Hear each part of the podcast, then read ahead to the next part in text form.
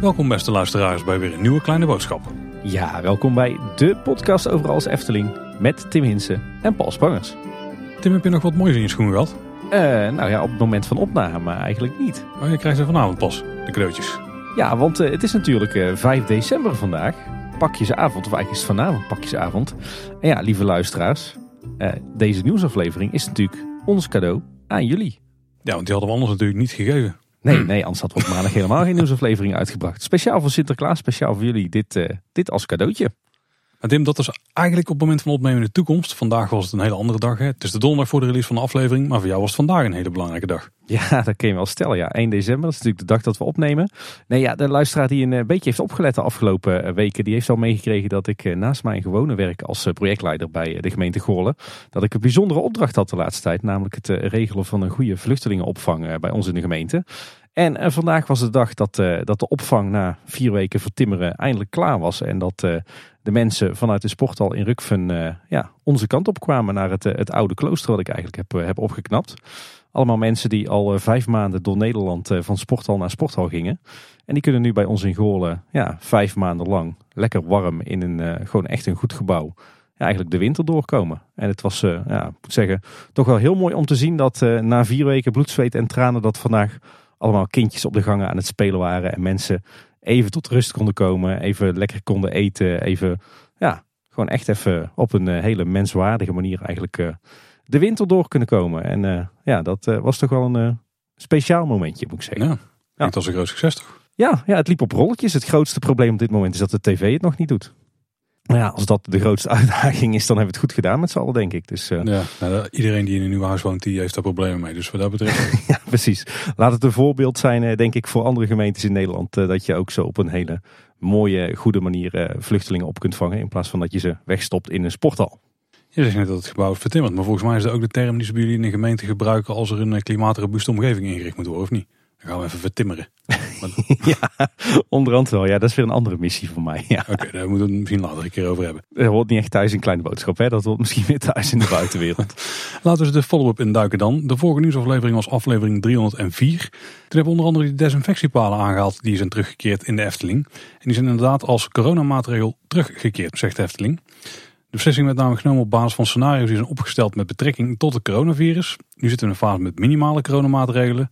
En dat betekent in dit geval extra bebording en het desinfectiemiddel. Ja, interessant om te zien dat de Efteling dus uh, ja, voor, uh, voor deze winter uh, een aantal scenario's heeft klaarliggen. Wat te doen met het park en de verblijfsaccommodaties afhankelijk van wat de coronapandemie doet. Dit is natuurlijk ook wel een beetje zo'n het zekere of het onzekere maatregel. Ja. Hey, en we waren de vorige keer natuurlijk ontzettend enthousiast over het boek Herinneringen aan Theo Hoogwald van Bram van Binnendijk. dat boek is helaas inmiddels uitverkocht, maar er volgt een herdruk. En de verwachting is dat het boek in januari 2023 weer leverbaar is. Ik weet dat een heleboel van onze luisteraars geprobeerd hebben zijn boek te bestellen. En dat die niet altijd reactie terugkregen. Maar dat komt omdat eh, de schrijver gewoon ontzettend eh, druk is. En dit er ook allemaal maar bij doet eh, als hobby. Dus ja, geef hem even de ruimte. En ik weet zeker dat begin volgend jaar dat je dan alsnog je boek binnenkrijgt of kan bestellen. Ja, in onze vorige aflevering was natuurlijk aflevering 305. Onze eerste interview met eh, Monique Hover. Deel 2 is trouwens inmiddels eh, ook opgenomen, kunnen we melden. En we kregen nog een interessante reactie van Femma Markenstein. Die schrijft namelijk dat Monique eh, in haar interview vertelde dat het vervolg dat de Grims hebben geschreven aan het sprookje van Roodkapje, dat dat inmiddels verdwenen zou zijn uit de vertelling. Maar Femma die zegt het is wel degelijk aanwezig in drie grote uitgaven van Grim die we in Nederland hebben. Namelijk uh, het boek uit 1942 met daarin illustraties van Anton Pieck. Dat zullen een aantal van onze luisteraars wel in de kast hebben staan, uh, kan ik me zo voorstellen. Maar het komt ook voor in twee recentere vertalingen. Namelijk uh, in een uitgave uit 1974, Grim, Sprookjes voor Kind en Gezin. En een hele recente uitgave van de Sprookjes van Grim uit 2005, die heel mooi en helemaal in kleur is geïllustreerd door Charlotte Dematon. Daar zit dus ook het ja, zeg maar het alternatieve einde aan Roodkapje aan. Uh, wat we in de Efteling niet tegenkomen, omdat het uh, ja, net wat gruwelijker is. Maar het zit dus wel nog steeds gewoon in de originele vertellingen van, uh, van Grim en de heruitgaves daarvan. Nou, dat is allemaal interessant en leuk en aardig, Tim. Maar groot nieuws, want volgens mij heeft de Efteling 2022 uitgespeeld. Ja, want er is vanaf nu bij Polleskeuken een kleine boodschappannenkoek te verkrijgen. Ja, zo heet hij niet meer, zo kunt officieel noemen. Ja, dit is toch wel echt gruwelijk, gruwelijk goed nieuws. Ja, dit is gewoon een pannenkoek met kleine boodschap branding, toch? Ik denk dat we eigenlijk uh, nou, de podcast wel kunnen opdoeken. Ik denk dat dit een beetje het summum van wat te behalen is. We kunnen ons live goal afvinken, Paul. Ja, want ja, de, kleine boodschap pannenkoek, je moet hem overigens bestellen als schrobbelair special volgens mij. Ik weet niet eens hoe die heet. Ja, of specialiteit van de chef. Ik, ik heb hem vandaag besteld als schrobbelair pannenkoek inderdaad. En uh, die, uh, dat werkte. Nou, het is in ieder geval een kaneelpannenkoek met speculaasbrokken, tutti frutti, stoofperen, speculaassaus, schrobbelaar parfait. Nou, dat is echt een geniale uitvinding. En eventueel een shotje schrobbelair waar je dan extra voor moet bijbetalen. Oh, dat eventueel had ik gemist bij de bestelling. uh, voordat we dat allemaal gaan bespreken, Tim rondom dit hele fenomeen is het ook wel een, een triest verhaal. Ja, zeg maar gerust het meest tragische verhaal van uh, deze nieuwsaflevering. En misschien wel van uh, deze maand voor ons. Ja, want jullie snappen natuurlijk wel dat toen wij dit nieuws ontdekten, dat wij uh, smachten naar die pannenkoek. Die moesten wij natuurlijk gaan proberen. Toen hebben we de agendas erbij gepakt, toen hebben we werkplanning opgeschoond, plek gemaakt. Met z'n tweeën uiteindelijk nog één momentje kunnen prikken dat we naar de Efteling konden samen. Voor, voor de nieuwsaflevering, zodat jullie konden brengen wat wij van de pannenkoek vonden. Dus wij eh, vol goede naar de Efteling. Ik nog een beetje kijken bij uh, bouwmeester Bigge, wat er allemaal gebeurde aan de bouwwerkzaamheden. Ja, kwam eraan. Wij uh, bijna arm in arm huppelend richting uh, Polleskeuken. Ja, we liepen over van enthousiasme. Maar toen kwamen we eraan, toen zagen Polleskeuken in de verte en toen zag het er verdacht rustig uit. Wij denken, oh hij zal er niet dicht zijn. Maar toen maakte ons achtersprongetje. Er stond toch iemand bij de ingang. Maar die wist ons te vertellen dat uh, helaas de hele dag dicht zou blijven vanwege een storing aan het pannenkoekenapparaat. Dat was toch wel de domper van de week. Ja, maar het verhaal hield daar nog niet op. Want toen dachten wij, nou ja, waar kunnen we dan beter onze lunchhel zoeken in de Efteling? Bij Bekkerij Krummel. Maar die was ook dicht. Ja, die bleek dicht te zijn voor onderhoud. Dus zo zijn we uiteindelijk geëindigd, Paul, in onze tweede woonkeuken. Het witte paard. Precies, toen hebben we daar maar uh, geluncht. Ja, dat was toch een meer klassiek Efteling lunchje. Nou. Ik vind het trouwens wel echt een voorrecht van in Kaatsheuvel wonen. Dat je gewoon tijdens je thuiswerkdag even kunt gaan lunchen in de Efteling. Ja, dat was wel chic, ja. Nou, we moeten samen in ieder geval nog een keer voor de herkansing gaan. Alhoewel, jij hebt al een herkansing gehad. Ja, inderdaad. Mij is het vervolgens gelukt om ook nog een, eh, een gaatje te vinden in het uh, goed gevulde agenda. Om uh, met Anne, mijn vrouw, de schrobbelair pannenkoek uit te proberen. En het is zo waar gelukt. En ik heb hem inmiddels op. En Paul, hij stelt op geen enkel vlak teleur. Niet? Hij is oh. zo goed als je denkt dat hij is. Dit is echt dat is misschien nog beter nieuws dan dat die pannenkoek überhaupt bestaat. Want dit was natuurlijk het ergste ooit geweest. Als waren met z'n twee die pannenkoek waren eten.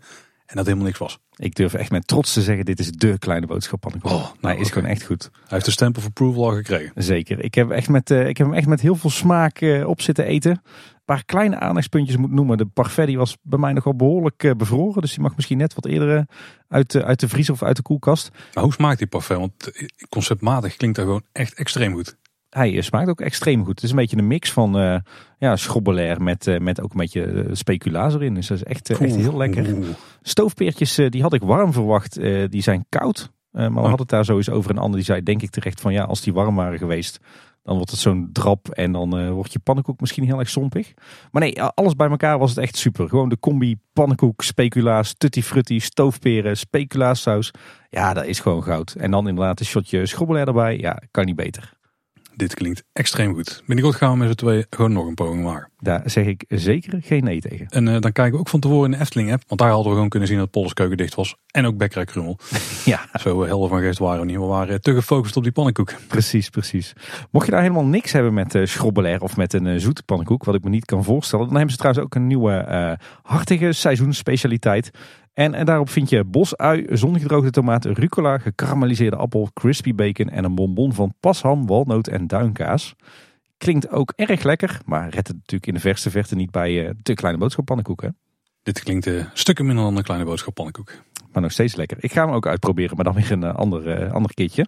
Als we het trouwens over pannenkoek hebben. We kregen nog wel een hele leuke reactie op uh, onze laatste aflevering van de buitenwereld. Waarin we het natuurlijk hadden over, over onze reizen deze zomer naar Italië en naar Wenen. En René Giesperts die gaf nog aan dat ik het had over keizersmarren. Wat een typisch Weens gerecht is. Uh, maar dat bestaat ook uit uh, grove stukken pannenkoek met rozijntjes en, en kaneel en, uh, en een sausje er doorheen, pruimen geloof ik. En die zei van, is het geen leuk idee om een keer keizersmarren te gaan serveren in Polleskeuken? Omdat het gewoon een heel leuk en, en zoet gerechtje is. En ik vond dat René daar wel een, een hele goede suggestie had. Dus misschien volgend jaar herfst lijkt me een super toffe seizoensspecial eigenlijk. Je kunt het ook koningsmarren noemen, dan kan je het mooi aan padilfels vastknopen. Dat vind ik een hele goede van jou, Paul. Signature snack. Zeker. Tim, de winterwrestling die is in volle. Hebben we er al wel wat van meegekregen dit keer? Ja, eh, nou ja, ik moet zeggen, het is best wel een uitdaging momenteel om eh, iets van de Winter Efteling mee te krijgen. Want er zijn heel veel weekenddagen geblokt voor abonnementhouders. Omdat er natuurlijk allerlei eh, bedrijfsevenementen zijn. Maar de enige weekenddag dat de Efteling tot nu toe open was voor ons als abonnementhouders, was volgens mij zaterdag 19 november. Zijn wij er natuurlijk geweest met het, met het gezin. Meteen gebruik maken van die enige gelegenheid. En echt een, eh, een heerlijke dag gehad. Was wel ijskoud. Het was volgens mij ook de allerkoudste dag in de afgelopen maand. Dus dat was eh, meteen eh, supergoed in thema. Nou ja, sindsdien is het eigenlijk wachten tot, tot eind december. Tot we er in het weekend weer in mogen natuurlijk. Alhoewel, wij hebben natuurlijk het geluk dat we in Kaatsheuvel wonen. Dus ja, af en toe maak ik nog wel eens gebruik van de gelegenheid om door de week even een paar uurtjes te gaan. Bijvoorbeeld op een papadag of zo. Of een, een lunch. Maar ja, in de weekenden is, is wel even een uitdaging. Ben jij eigenlijk ondertussen ook al in de winter Efteling geweest? Ik ben wel in de winterwrestling geweest, maar ik heb niet superveel meegekregen van de winterwrestling zelf. Ik ben één keer in verdwaalde zaterdagochtend gegaan. En met jou nog een keer, maar ook kort. Alleen maar korte bezoekjes. Dus ik heb niet uitgebreid alles kunnen checken. Ik ben nog niet eens op de warme winterwaarde geweest. Kun je nagaan. Oh, nepfan. Ja, ja. Ja, valt mij trouwens wel op dat het nu door de week echt totaal uitgestorven is in de Efteling. Dat was het afgelopen jaar natuurlijk zelden het geval, ook eh, door de week. Maar eh, als je op dit moment door de week gaat, eh, ja, dan heb je eigenlijk de Efteling bijna voor jezelf alleen. En dan heb je bij iedere attractie een walk-on. Ik liep er vandaag langs en denk, nou, als we ooit een keer met het hele bedrijf weer naar de Efteling gaan, dan plannen we het gewoon op zo'n dag, op zo'n donderdag, zo de- aan de voorhand van de kerstvakantie. Dan de rest kanon afschieten. Nou, moet toch echt je best doen om iemand te raken. Ja, ik zou ook niet te dicht bij de kerstvakantie gaan zitten, want ik denk dat dan meer bedrijven zullen denken. We gaan nog even gauw eh, op uitje richting de winter Efteling. Dan note to self, begin december, prima moment om te gaan. Precies, ja. Maar ja, verder is het dus, eh, dus afwachten tot eh, al die bedrijfsevenementen voorbij zijn. En we weer gewoon lekker met het hele gezin de hele dag kunnen in het weekend. Maar de warme winterwaarde heb jij dus wel gezien. Wat was jouw indruk daarvan? Nou, die is eigenlijk heel erg eh, positief. Ehm, het valt me op dat de Warme Winterweide ook dit jaar weer erg populair is. Vaak de drukste plek in het park. En ja, hij is ook gewoon ontzettend sfeervol. Staat er weer prachtig bij. Eh, zowel overdag als 's avonds. Alhoewel ik denk dat die eh, 's s'avonds toch wel nog net wat mooier is. Met al die lichtjes in de bomen. Natuurlijk heel tof dat we eindelijk weer een schaatsbaan hebben in de Winter Efteling. Niet meer in een, in een lelijke witte tent, maar nu echt in de open lucht aan de weide. Ziet er ook prachtig uit. Alhoewel hij voor mijn gevoel wel heel erg afgescheiden ligt van de warme winterweide. Hij ligt echt in de hoek en hij is helemaal verborgen achter een heleboel bomen en boarding. En daardoor is het echt zo'n apart hoekje. Misschien Hm. is het leuker volgend jaar om de schaatsbaan wat meer bij de warme winterweide te trekken. Zodat als je op de warme winterweide zelf staat, dat je ook echt de schaatsbaan opkijkt. Nu, nu zie je er eigenlijk weinig van en dat is jammer, want het is wel een heel erg tof element natuurlijk. Wat ik verder nog wel leuk vond, is dat het eh, ballonnenvrouwtje, wat natuurlijk eh, al heel lang werkeloos voor de Marskramer eh, stond, en af en toe volgens mij ook ergens in, in opslag, is dat zij nu verplaatst is naar de warme winterweide. Dat is natuurlijk echt een typisch pieksfiguur. En daar wordt ze nou eindelijk weer ingezet om daadwerkelijk ballonnen te verkopen. Ik denk alleen wel dat ze nog een keertje naar de werkplaats van de decoratieschilders mag. Want ze heeft al heel erg veel geleden van al die jaartjes niks nutten. Wat ons ook nog opviel is dat de vuurtjes dit jaar, eh, de vreugdevuren, wel erg klein zijn. Heeft denk ik te maken met eh, natuurlijk de stikstofuitstoot. Er komt heel weinig warmte vanaf als je op veilige afstand van het vuur zit, hè, buiten die kroon. Dat wij echt zoiets hadden van ja, als dit de vuurtjes zijn, dan eh, kan je ze eigenlijk misschien maar beter gewoon helemaal wegdoen. Dan ben je ook al je stikstofuitstoot kwijt. Want heel veel warmte komt er niet van af. Het is natuurlijk wel heel sfeervol en het ziet er natuurlijk wel prachtig uit. Maar voor de warmte hoef je het niet echt meer te doen. Dus die tijd van die enorme vuren is wel, eh, wel echt voorbij. En ik ben een paar keer op een eh, regenachtige dag eh, geweest. En dan valt toch wel op dat, dat die warme wei- winterweide heel erg snel modderig wordt. Eigenlijk net zoals de, de speelweide in de zomer. Hè. Afgelopen zomer en herfst had je dan natuurlijk ook heel erg op Efteling Wonderland. Ja. Ja, die waterhuishouding eh, onder die weide die is gewoon eh, belabberd. Daar kunnen ze ook weinig aan doen. Dus ja, dat is niet altijd even handig. Aan de andere kant, ja, dat weet je denk ik ook als je in de winter op een natte dag eh, naar een buitenevenement gaat. Maar al met al, ja, een hele toffe, toffe, mooie, sfeervolle plek. En natuurlijk ook vanwege al het entertainment op de warme winterweide. Ja, want er was er veel hè. Ik heb er zelf wel iets van gezien, overigens niet op de warme winterweide, maar daar hebben we het dadelijk nog los even over. Ja, ik vind dat sowieso deze winter Efteling eh, alles bij elkaar opgeteld ontzettend veel, eh, veel entertainment is. Ik heb gelukkig al heel veel van de acts kunnen zien. De meest interessante daarbij was natuurlijk de act van, eh, van het, eh, het echtpaar Charlatan. Maar je zei het al, daar gaan we het dadelijk maar even over hebben zodra we bij eh, Dans Macabre zijn aangekomen. Maar ik was wel heel erg benieuwd naar de acts op de warme winterweide. Omdat er natuurlijk twee favoriete acts waren verdwenen. De lichtpuntjes komen niet meer terug en ook Jelka en Kendrick komen niet meer terug. Dat waren bij ons in het gezin toch echt wel favorietjes. Maar ik moet zeggen, de vervangende acts zijn eigenlijk ook verrassend leuk. Ik al een paar keer met heel veel plezier staan kijken naar Fee de Fee en Pinocchio. Wat voor showtje is dat? Het is eigenlijk een heel leuk, laagdrempelig showtje, wat ook heel leuk is voor de kinderen. Je maakt met name kennis met, uh, met VDV en haar uh, beslommeringen. En uh, op een gegeven moment komt Pinocchio er ook bij. En nou, het is eigenlijk een afwisseling van wat, wat, wat dialogen tussen die twee. Wat publieksinteractie en een paar hele leuke liedjes. En ik dacht, ja, dit kan natuurlijk niet winnen van Jelka en Kendrick. Hè, met een catchy liedjes. En echt, ja, dat was echt wel een swingende act. Maar ik moet zeggen, als je dan de act van Jelka en Kendrick naast de act van VDV en Pinocchio legt. Dan past de huidige act voor mijn gevoel toch veel beter bij de Efteling. Eh, omdat er toch dat sprookjeselement in zit. Sprookjes vertellen, verhalen vertellen. Omdat nou, de liedjes toch ook best wel leuk zijn. De kinderen vinden het ook een hartstikke leuke act. En ja, het is, het is misschien net wat minder kitscherig dan toch een Jelka en Kendrick. Dus uh, in die zin ze gaan ze met deze nieuwe act uh, ja, toch weer terug naar hun roots, naar het, uh, het sprookjes vertellen. En ja, dat werkt toch wel. En dat geldt eigenlijk ook voor, voor de vervanger van de lichtpuntjes, Zang en Gelukkig. Die kennen we natuurlijk al, al langer uit de Winter Efteling. Eigenlijk gewoon vier, vier jonge mannen die kerstliedjes zingen. En op de een of andere manier past dat toch voor mijn gevoel beter bij de Winter Efteling dan een gospelkoor. Dus ja, beide acts zijn gewoon toch wel meer Eftelings dan de, de voormalige favorieten, als ik heel eerlijk ben. Oeh. En dan de classic Efteling uh, Jokie en Jet. Dus de classic. Dus een typisch Eftelings act natuurlijk Jokie en Jet. ja, daar kan je over discussiëren. Nou, in ieder geval gebaseerd op een attractie. En uh, die hebben ook een aangepaste show hè? Ja, en dat uh, is een uh, leuk nieuw showtje met uh, twee extra karakters. Met het draakje en met, met. Heel tof dat hij daar ook in, in terugkomt. Ik heb hem inmiddels ook gezien en is ook een heel leuk showtje ook voor de kids. Met een aantal nieuwe liedjes. Dus heel tof dat ze, dat ze ook daarin geïnvesteerd hebben. En wat ik trouwens ook wel heel tof vond qua entertainment deze winter Efteling... is dat ook Aquanura met een zachte G zo af en toe wordt, wordt vertoond. En ik moet zeggen, ondanks dat er natuurlijk heel veel liedjes van Guus Meeuwis in zitten, is het toch wel een hele mooie Aquanura show. Zowel qua muziek als ook qua, qua de, de watereffecten en, en de verlichting en dat hele samenspel. Eh, en dan natuurlijk uiteindelijk die ontknoping met, uh, met het nummer Brabant van Guus, wat dan gemixt is met de, de, de Menuet NG, die we natuurlijk kennen van, van de paddenstoelen. Ja, dat is dan toch wel een emotionele ontknoping hoor. Je hoort dan ook om je heen langzaam maar zeker het publiek de, het, het Brabantse volkslied meezingen. Dat, uh, dat heeft toch echt wel iets bijzonders, zeker in het donker. Dus ja, dat is wel een hele mooie bonus als je s'avonds even Aquanura met een zachte G, G kan meepikken. Dus ja, eigenlijk een, een heel mooi uitgebreid entertainmentprogramma deze winter Efteling. En ja, het voelt veel Eftelingser. En misschien ook wat intiemer en, en minder, minder kitscherig dan, uh, dan vorige winter Eftelingen. Dus dat doen ze echt heel erg goed. En nu toch over Aquanura hebt, en dan kunnen we meteen naar uh, de onderdelen die we nog niet eerder hadden gespot. Die verwarmingscontainer die is daar ook weer gezien. Dus de Aquanura vijver die is uh, weer enigszins verwarmd, zodat hij niet dichtvriest. Ja, die stond, die stond normaal gesproken altijd aan de achterkant van het theater. Maar nu hebben ze hem echt aan de Aquanura vijver zelf gezet, hè, bij de zijgevel van het theater. Ik denk omdat ze aan de achterkant van het theater aan het uh, graven zijn uh, aan die warmte-koude opslagvoorzieningen. Wat we eigenlijk bijna nergens zien zijn gaskachels of terrasverwarmers. Misschien al vanwege de stikstofuitstoot of hoge gasprijzen. Ja, de, normaal gesproken stond de Efteling daar natuurlijk uh, vol mee. Maar je ziet ze eigenlijk uh, op heel veel plekken niet meer. Hè? Ook op de, de terrassen in de buitenwereld niet. Ja, ik denk inderdaad toch uit een stukje... Ja, gasloos. Ja, energiebesparing. En ik denk eerlijk gezegd dat het ook niet echt uh, goed staat bij het, bij het publiek om, om heel veel gas te verbranden deze winter. Dus volgens mij is het ook gewoon een soort van symbolische maatregel hoor. Eigenlijk net zoals het, het feit dat, dat de gaslampen bij Fata Morgana en de smulpaap uitstaan.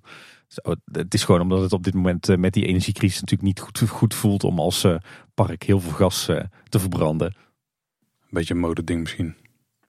Bij de fontein bij Symbolica, die is aangeplant nu. Geen water meer doorheen, er staat wintergoed in. En in Symbolica in de Koningszaal, daar hebben we ook wintertaarten. Die kun je spotten bij onze favoriete vrouw daar in de, in de Koningszaal, Tim. Ja, inderdaad. De vrouw uit de taart, of in de taart, ik weet niet hoe ik het moet noemen. Maar er, eh, daar stonden ineens wat, wat extra wintertaarten omheen. Ja, was een tof, leuk detail. Ik denk dat de vrouw uit de taart is, want je weet niet, je weet niet dat ze erin zit. Hè? Want anders kan in iedere taart een vrouw zitten. Dus dat is niet zo handig. Dus het zal uit de taart zijn. Er is ook nieuwe winterdecoratie op Bekkerij Krumel. Er hangt een, een krans in de vorm van een krakeling. Dus bijna volledig. En uiteraard... De guirlandes, hè? Nou, die kan weer afgevinkt worden, luisteraars. Ja, wij ownen die term een beetje, hè? Ja, inmiddels wel. Volgens mij moeten we nog wat, wat facturen sturen naar Details en eh, naar een quiz op tv of zo. Ja, we krijgen wat royalties inderdaad voor het gebruik van die term. Ook de tafereeltjes in het Sprookjesbos, zoals die heksenketel en de sokken van de reus, die hebben toch wat extra verlichting gekregen. Dus dat is een goede verbetering. Ja, die stonden de eerste dagen in het pikken donker. Ja, dat is voor de foto's vooral in, het, eh, in de avond vrij lastig. Ja, en op het Carouselpaleis bij de ingangen richting het diorama zijn nu prachtige bordjes aan, aangebracht met daarop de tekst verwarmd overdekt terras. en daarop ook een heel mooi pieksilhouet van een koffiepot met koffiekopjes.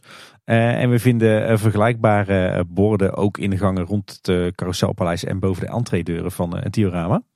En het lijkt erop dat ze het, eh, het Carouselpaleis en het diorama ook echt willen promoten als een, eh, een hele geschikte plek om even op te warmen en te schuilen. Het diorama staat nu namelijk in de Efting-app eh, ook onder eten en drinken. Onder vermelding van even opwarmen, kom gezellig binnen zitten bij diorama. Dus, dus daar, daar doen ze echt aan promotie. Maar even voor duidelijkheid, bij het diorama zelf is dit jaar in deze winter Efteling dus helemaal niks te krijgen. Die bar is dicht. Uh, de carouselbar is wel eindelijk weer open. En ik uh, moet zeggen, het doet me goed om te zien dat die uh, weer hartstikke goed loopt. Dus er zitten weer volop mensen met koffie, warme chocomel en met name speciaal biertjes in de salon van de stoomcarousel.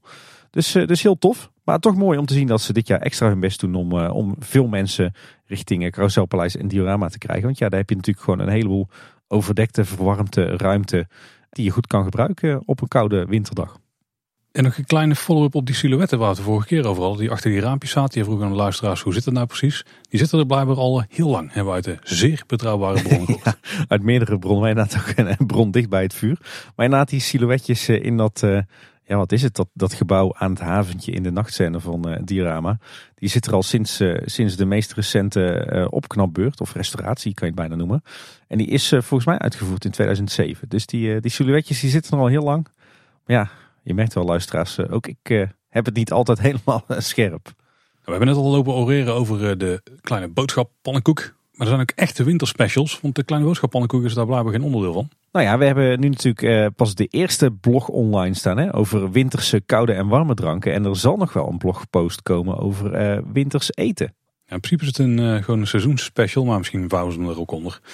Nou, wat we in ieder geval nu hebben nieuw is, uh, dit is wel iets van jou Tim. De kastanje witte chocolade latte macchiato. Dat is een aanvulling op de gebruikelijke winterse koffiespecials. Heb je dat heb... geprobeerd? Nou, hij stond op de kaart bij Pols Keuken. Maar ik dacht, ja, de kleine boodschap pannenkoek, die, uh, die kan ik natuurlijk niet laten overschaduwen door een koffiespecial. Dus dat, uh, dat wordt voor een volgende keer. Nou, maar achteraf gezien, had het wel gekund toch? Was lastig geweest om die pannenkoek te overschaduwen, begreep ik. Koffie doet ook veel, hè? Ja, je bent ambtenaar, hè? Ja. ja. ja. En vanwege succes teruggekeerd de Glühwein Special en de Winterse Mocktail. Ja, en die zijn allebei wel heel erg lekker hoor. Ik heb uh, me inmiddels wel weer een paar keer gelaafd aan die Glühwein Special. Het is wel lekker met uh, ster anijs en uh, volgens mij een, een paar appelschijfjes en, en een plakje sinaasappel. Dat gaat echt heel goed samen met elkaar. En die Winterse Mocktail die kun je ook nog upgraden naar een daadwerkelijke cocktail. Voor een extra betaling. Nou. Ja, volgens mij cola met een schijfje citroen en kaneelstokje toch? En volgens mij een scheut Bacardi of rum in ieder geval. Ja, dat is geen mocktail meer. Nee, als je, dan moet je ook extra voor bijbetalen. En er is ook winterse merchandise. Want de Efteling heeft op maandag 21 november zonder enige aankondiging vooraf een nieuwe winterpin gelanceerd. En dat is dat amulet met het ijskristal wat we ook zien op Symbolica. Die is verkrijgbaar voor 7 euro op de warme winterweide. En die is blijkbaar in grote oplagen beschikbaar, want je kunt hem gewoon nog steeds kopen. En blijkbaar was eh, voor die aanpak gekozen, dus gewoon het, het onaangekondigd uitbrengen. Eh, om die uh, chaotische tafereelen die we rondom nou, een of ander jubileumboek en zo hebben gezien, om die te voorkomen. Of heel veel pins. Ja, veel veel pins. Maar het boek was misschien toch wel net iets spectaculairder nog. En ik snap wel waarom ze het hebben gedaan, maar ook dit voelt weer ergens een beetje onhandig. Eigenlijk zou het niet nodig moeten zijn. Hè? Het leukste is natuurlijk als je uh, vol trots en enthousiasme kunt verkondigen dat je een nieuwe pin uitbrengt. En dat iedereen gewoon op zijn gemakje die pin een keer komt, uh, komt halen als het uh, hem of haar uitkomt. Maar ja, door iedere keer voor die beperkte oplages eh, te kiezen, creëer je natuurlijk dat iedereen eh, op het moment van uitgifte er dan ook wil zijn. En dan krijg je weer die, die enorme volksopstanden. Ja, op zich, uh, het werkte wel moet ik zeggen. Want die maandag was er, waren er geen enorme rijen. Ik geloof dat niemand echt heeft misgegrepen. Ja, af en toe dan zijn ze op op de warme winterweide. Maar dan de dag erop of een paar uurtjes later zijn ze er weer gewoon. Ja, ja, ik denk dat dit slimmer is dan het van tevoren aankondigen met een beperkte oplage. Kijk, in de, de ideale wereld zeg je gewoon grote oplagen van tevoren aankondigen. Ja. Maar ja, in, in de praktijk werkt dit eigenlijk wel als, als alternatief. Volgens mij heeft iedereen die het wil, heeft al wel zo'n pin te pakken. En uh, er is weinig eh, gedoe geweest. Dus, uh... Ja, maar die grote oplagen is dan wel essentieel. Kijk, als je dat altijd hebt, dan is het niet zo'n issue. Ja. Nee. En blijkbaar is er rondom het ijskristal een complete souvenirlijn opgezet. Niet alleen die, eh, die pin heb je, maar je hebt ook een theelepel, een mok, een sleutelhanger, een magneet, een sjaal, een muts en twee verschillende hoodies. Dus Ze pakken flink uit. Ja, de muts, de sjaal, de sleutelhanger en de mok. Die mok is trouwens heel leuk, want er staat niet alleen het ijskristal op, maar ook een schaatsende klein duimpje. Uh, die zijn wel pas vanaf december verkrijgbaar. Hm. En voor al deze items geldt dat je ze alleen kunt krijgen in de souvenirchalets op de warme winterweide. En uh, de winter Efteling hoodies zijn ook leuk. Je hebt een lichtblauwe variant met een blauwe bedrukking en een witte variant met een gouden bedrukking. En in het ontwerp van die hoodies zit het, uh, het ijskristal verwerkt. Evenals een aantal van die schaatsende sprookjesfiguren die we natuurlijk ook zien op de boarding van de schaatsbaan.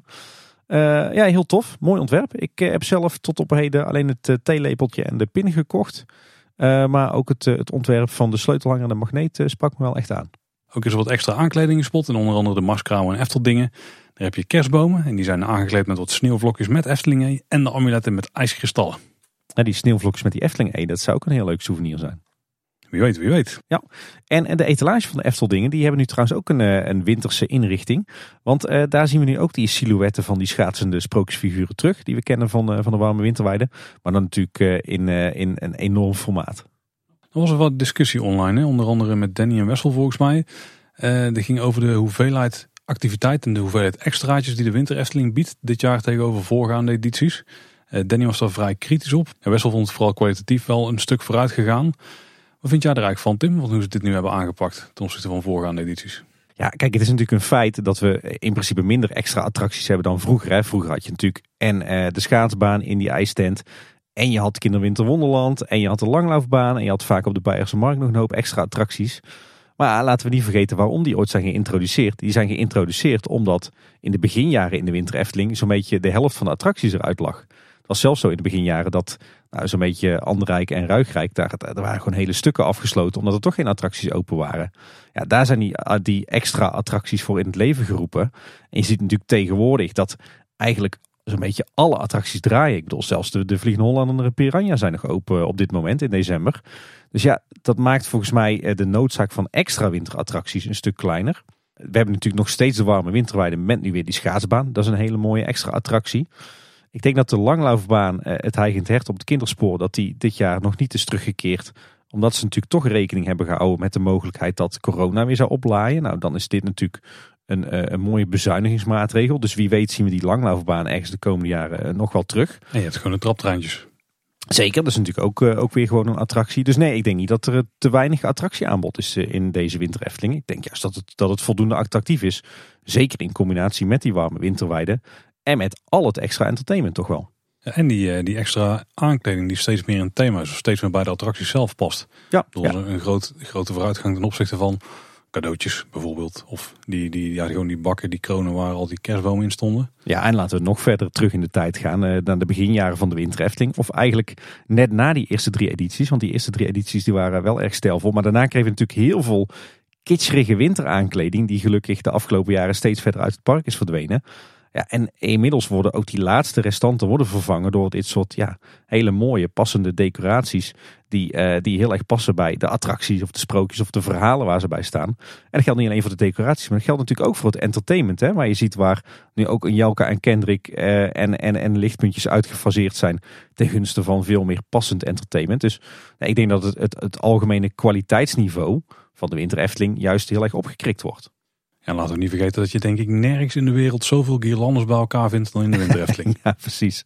Ja, en er was ook nog een beetje een discussie over, uh, over de schaatsbaan en energieverbruiken in relatie tot uh, de, de gascrisis of de energiecrisis. Maar uh, laten we wel wezen, we hebben nu een buitenschaatsbaan. Voorheen hadden we een, een ijstent met een binnenschaatsbaan. Kijk, die eerdere optie, die, die ijstent, die tent moest je verwarmen. waar enorm veel energie in, in ging zitten, horen we wel op de wandelgangen. En volgens moest je nog eens heel veel extra energie pompen in het koelen van die ijsbaan. Terwijl nu heb je een outdoor ijsbaan. Dus je hoeft geen tent meer te verwarmen. En de ijsbaan zelf hoef je ook minder te koelen. Want die ligt al in de buitenlucht. Die vaak de grond het vriespunt is in de winter. Dus ja, ook dat bezwaar zie ik niet zo. Nou, ik begreep wel dat ze op een gegeven moment, ik weet niet of ze dat uiteindelijk hebben uitgevoerd, maar dat er een plan was dat ze de warmte die vrijkwam bij het koelen van de schaatsbaan, dus die dan zouden gebruiken om de tent te verwarmen. Dat maakt natuurlijk niet meer goed, dus je moet altijd nog bijstoken, maar dat scheelde al wat.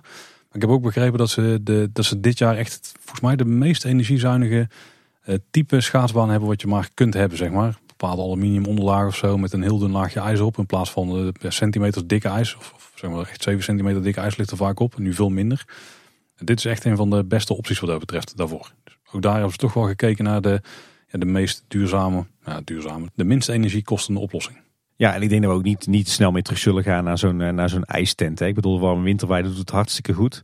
Nou, je, het scheelt een hoop stookkosten. En ja, stel dat er toch ooit weer een pandemie zou uitbreken, dan uh, weten we inmiddels dat je vooral lekker buiten moet zijn. Dus uh, ik, ik denk dat dit wel eens een blijvertje zou kunnen zijn.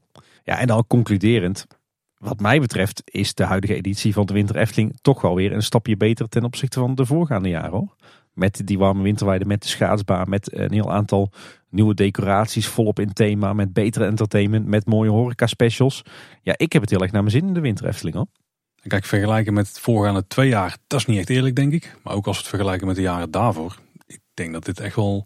Nou, ik denk sowieso, dat hebben we al vaak zat gezegd, maar ik vind ook echt dat het een, een goede nieuwe stap is naar de toekomst. Want als je dit gewoon ieder jaar een beetje blijft uitbreiden, zoals we eigenlijk de afgelopen jaren hebben gedaan. Ik vind dat ze nu met de winterhefteling al echt op een goed niveau zitten. Maar dan, ja, ieder jaar wordt het weer een beetje meer, weet je wel. Volgend jaar komen nog meer van die verwacht ik. Die decoraties bij gebaseerd op attracties. Of op de verhaal die in de omgeving leven. Ik bedoel, het Max Morrisplein is er echt wel een goed voorbeeld van. Ja, zeker. Geen extra entertainment, maar je hebt wel daar een, een kampvuur. Maar verder de aankleding daar is wel echt heel tof. Met die schans en, uh, en de slee die dan uh, in het gebouw steekt. Ja, als je dat op heel veel meer plekken krijgt, ja, je kan het alleen maar toejuichen. Ja, het kwaliteitsniveau ligt gewoon, ligt gewoon steeds hoger. Het enige waar ik nu nog op hoop is uh, of op een enorm stevig pak sneeuw. Echt gewoon een halve meter sneeuw uh, gedurende een paar maanden. Ja, lijkt me echt super vet. Of uh, hele strenge vorst, zodat we net zoals in de jaren 50 op, uh, op een van de vijvers kunnen schaatsen. Lijkt me heerlijk, de siervijver en dan helemaal dichtgevroren en dan met kraampjes met koek en zopie er langs. En dan al die mensen mooi op die vijver schaatsen. En dan over die nozzel struikelen van de fontein. Ja, vet. Ja, dan zetten we even een paar hekjes omheen, toch? wat er misschien nog wel een ding is, is dat natuurlijk nu in de eerste maanden van de winterresteling, dat dan en Joris en de Draak en Droomvlucht dicht is, dat is natuurlijk wel een gemis op dit moment. Dus op, daar kun je nog wel zeggen van het attractieaanbod is even wat minder. Maar ja, er zijn tijdelijke dingen. Als ze dezelfde winterefteling exact volgend jaar zouden hebben, ja, dan is het natuurlijk geen issue meer. En Joris en de Draak gaat binnenkort weer open. Ja, inderdaad, voor de kerst. Dus uh, nou. Hey, je zei net al, deze discussie werd aangezwengeld door Danny van der Wil, vriend van de show en ook vriend van ons. Is natuurlijk bekend van Team Park Science. En, en ze hebben ook wel een leuke podcast gemaakt over dit uh, onderwerp. Uh, Team Park Science 65. En uh, daarin gaan uh, Danny en Erwin Taats, bekend van Ochtend in Pretparkland natuurlijk, met elkaar in gesprek over winteropenstellingen van uh, pretparken in Europa. Tim, ik denk dat het tijd is om te gaan kijken wat er allemaal gebeurt rondom Dans Macabre. En dan met name rondom Dans Macabre. ja, zeker. Want we hebben inmiddels kennis kunnen maken met Virginie en Otto Charlatan en hun draaiorgel Esmeralda. Dit is het nieuwe entertainment wat eh, aangekondigd was rondom Dans Macabre. Bouwplaats entertainment. Ja, dat is het eigenlijk wel. Ze staan ook letterlijk voor de bouwschutting. En er is ook een klein hokje getimmerd waar dan uh, Esmeralda in staat. En die reizen dan naar buiten en dan uh, gaat dan gewoon het hangslot er weer op. Ziet er een beetje gekunsteld uit nog. Maar ja, ze hebben op zich wel een soort van achtergrondje gemaakt hè, met wat decoratie. Dus eigenlijk gewoon het attractiebord op die groene schutting. En dat druipt dan wel wat zwarte prut of zo uit. Zwart bloed. Ja, nou, misschien een hint Pek. naar wat nog gaat. Ja, pek, ja, dat is een goede manier om te omschrijven. Het Efteling zelf die omschrijft het als dat Virginie en Otto met een draaiorgel zijn neergestreken in de buurt van Das Macabre. Daar vertellen zij dagelijks hun verhaal en zullen zij hun live lied zingen onder begeleiding van hun bijzondere draaiorgel Esmeralda. Het is eigenlijk een bouwschutting act. Zou dat ook een nieuw begrip zijn wat we kunnen introduceren? Is bouwmeester Big dan ook? Dat is niet echt een act natuurlijk. Nee. Hm. Zou, zou Disney al aan bouwschutting acts doen? Dat denk ik eigenlijk niet. Ik denk iets uniek Eftelings op dit moment nog. Kijk. we hebben inmiddels allebei de act gezien hè? Ja, ja, al heb ik hem niet helemaal uitgezeten hoor, maar uh, ik heb hem wel gezien. We gaan het dadelijk pas uh, erover hebben wat je ervan vond, Paul. Nou, misschien is er nog een spectaculair slot bij met uh, dansen en vuurwerk, maar dat heb ik dan gemist. Dans wel. Nou, Oké, okay, dat was het in het begin ook. Hey, wel leuk. We hebben, we hebben natuurlijk kennis gemaakt met, met Otto en Virginie in real life. Ik moet zeggen, ik vond ze in de uitvoering die ik heb gezien wat ouder dan, dan verwacht. ja, ik ook, maar ik heb ook een jongere variant gezien hoor. Maar die ging het ook wel over op social media. Van, ze zien er heel anders uit dan in de making-of. Ja, ja, dat is altijd. Gek hè? Ja, de bron die in de making-of zat was ook net wel anders dan animatronic in de attractie bijvoorbeeld. Ja, sowieso was er ook wel wat ophef dat er af en toe andere acteurs zijn die in uh, Otto en Virginie kruipen. Maar ja, dat, wat je al zegt, dat lijkt me toch logisch. Het is toch logisch dat een act door meerdere acteurs wordt gespeeld en dat die er allemaal net wat anders uitzien. Hoe noemt ze weer? Suspension of disbelief? Daar zit ook een beetje een ja. vorm van. Hè? Je moet er gewoon doorheen kunnen kijken. Ja, of don't fight the problem. Je weet dat het een act is met acteurs. Ga er lekker in mee. exact, exact. Ja. Overigens prachtige kleding, met name Virginie. Daar hebben volgens mij de dames van het kostuumatelier echt weer hun, uh, hun best op gedaan. En ik ben blij dat er nu eindelijk ook wel duidelijk, uh, duidelijkheid is over hoe we de naam moeten uitspreken. Het is dus niet uh, Virginie, Maar het is echt de Amerikaanse variant, hè? Virginie. Leer ook de namen van een aantal andere karakters in het verhaal wat verteld wordt tijdens de show. Die misschien ook wel iets met de attractie te maken hebben. Tenminste, eentje hebben we al zien prijken op een grafzerk in de concept art. Namelijk Jozef Charlatan en Esmeralda Charlatan. Dat zijn de bedovergrootvader en moeder van Virginie. Esmeralda die stierf op raadslachtige wijze toen Jozef het draaiorgel had vertooid. Dat wordt ook verteld in de show. En daarom is het draaiorgel naar haar vernoemd. Ja, en dat is natuurlijk een prachtige verwijzing naar het, uh, het voormalige spookslot. Uh, we weten inmiddels ook wat meer over Esmeralda, het uh, draaiorgel. Dat is toch niet een reïncarnatie van het draaiorgel de Melodijn, wat we natuurlijk kennen uit het Maarrijk van een paar jaar geleden. Dat, dat gerucht was onjuist. Integendeel, het is niet eens een echte draaiorgel. Het is eigenlijk gewoon een, een ja, nagemaakt frontje van een draaiorgel voor een kar. Ziet er wel heel erg overtuigend uit, eh, moet ik zeggen. Uh, maar de muziek die uit het orgel komt, die, uh, die is dus ook digitaal. Die komt niet daadwerkelijk uit een draaiorgel. En uh, naar verluid is die gecomponeerd door natuurlijk René Merkelbach en Marco Kuipers. Ja, dat werkt eigenlijk zoals bij de andere shows. Hè. De acteurs die bedienen zelf op afstand welke muziek er op dat moment uitkomt. Dus die sturen gewoon het showtje aan. Wel heel tof trouwens, want het is echt een, een mooi gedetailleerd en kleurrijk frontje. Maar, en er staan ook een aantal beeldjes op, maar die beeldjes die bewegen dus ook. Zo best wel veel eh, beweging en lichteffecten in, eh, in, de in het hele orgel. Dat is wel heel tof. Ja, want eh, er staan dus drie beeldjes op het orgel. Een dirigent, wat denk ik ook wel een verwijzing is naar het Gavioli-orgel in de Stoomcarousel. En twee dames aan beide zijden van de dirigent. Eentje blank en de ander met een donkere huidskleur. Dus de Efteling is daar, daar lekker inclusief mee. En die beeldjes, dat zijn niet zomaar beeldjes, maar het zijn eigenlijk animatronics hè. Ja, mini-metronics.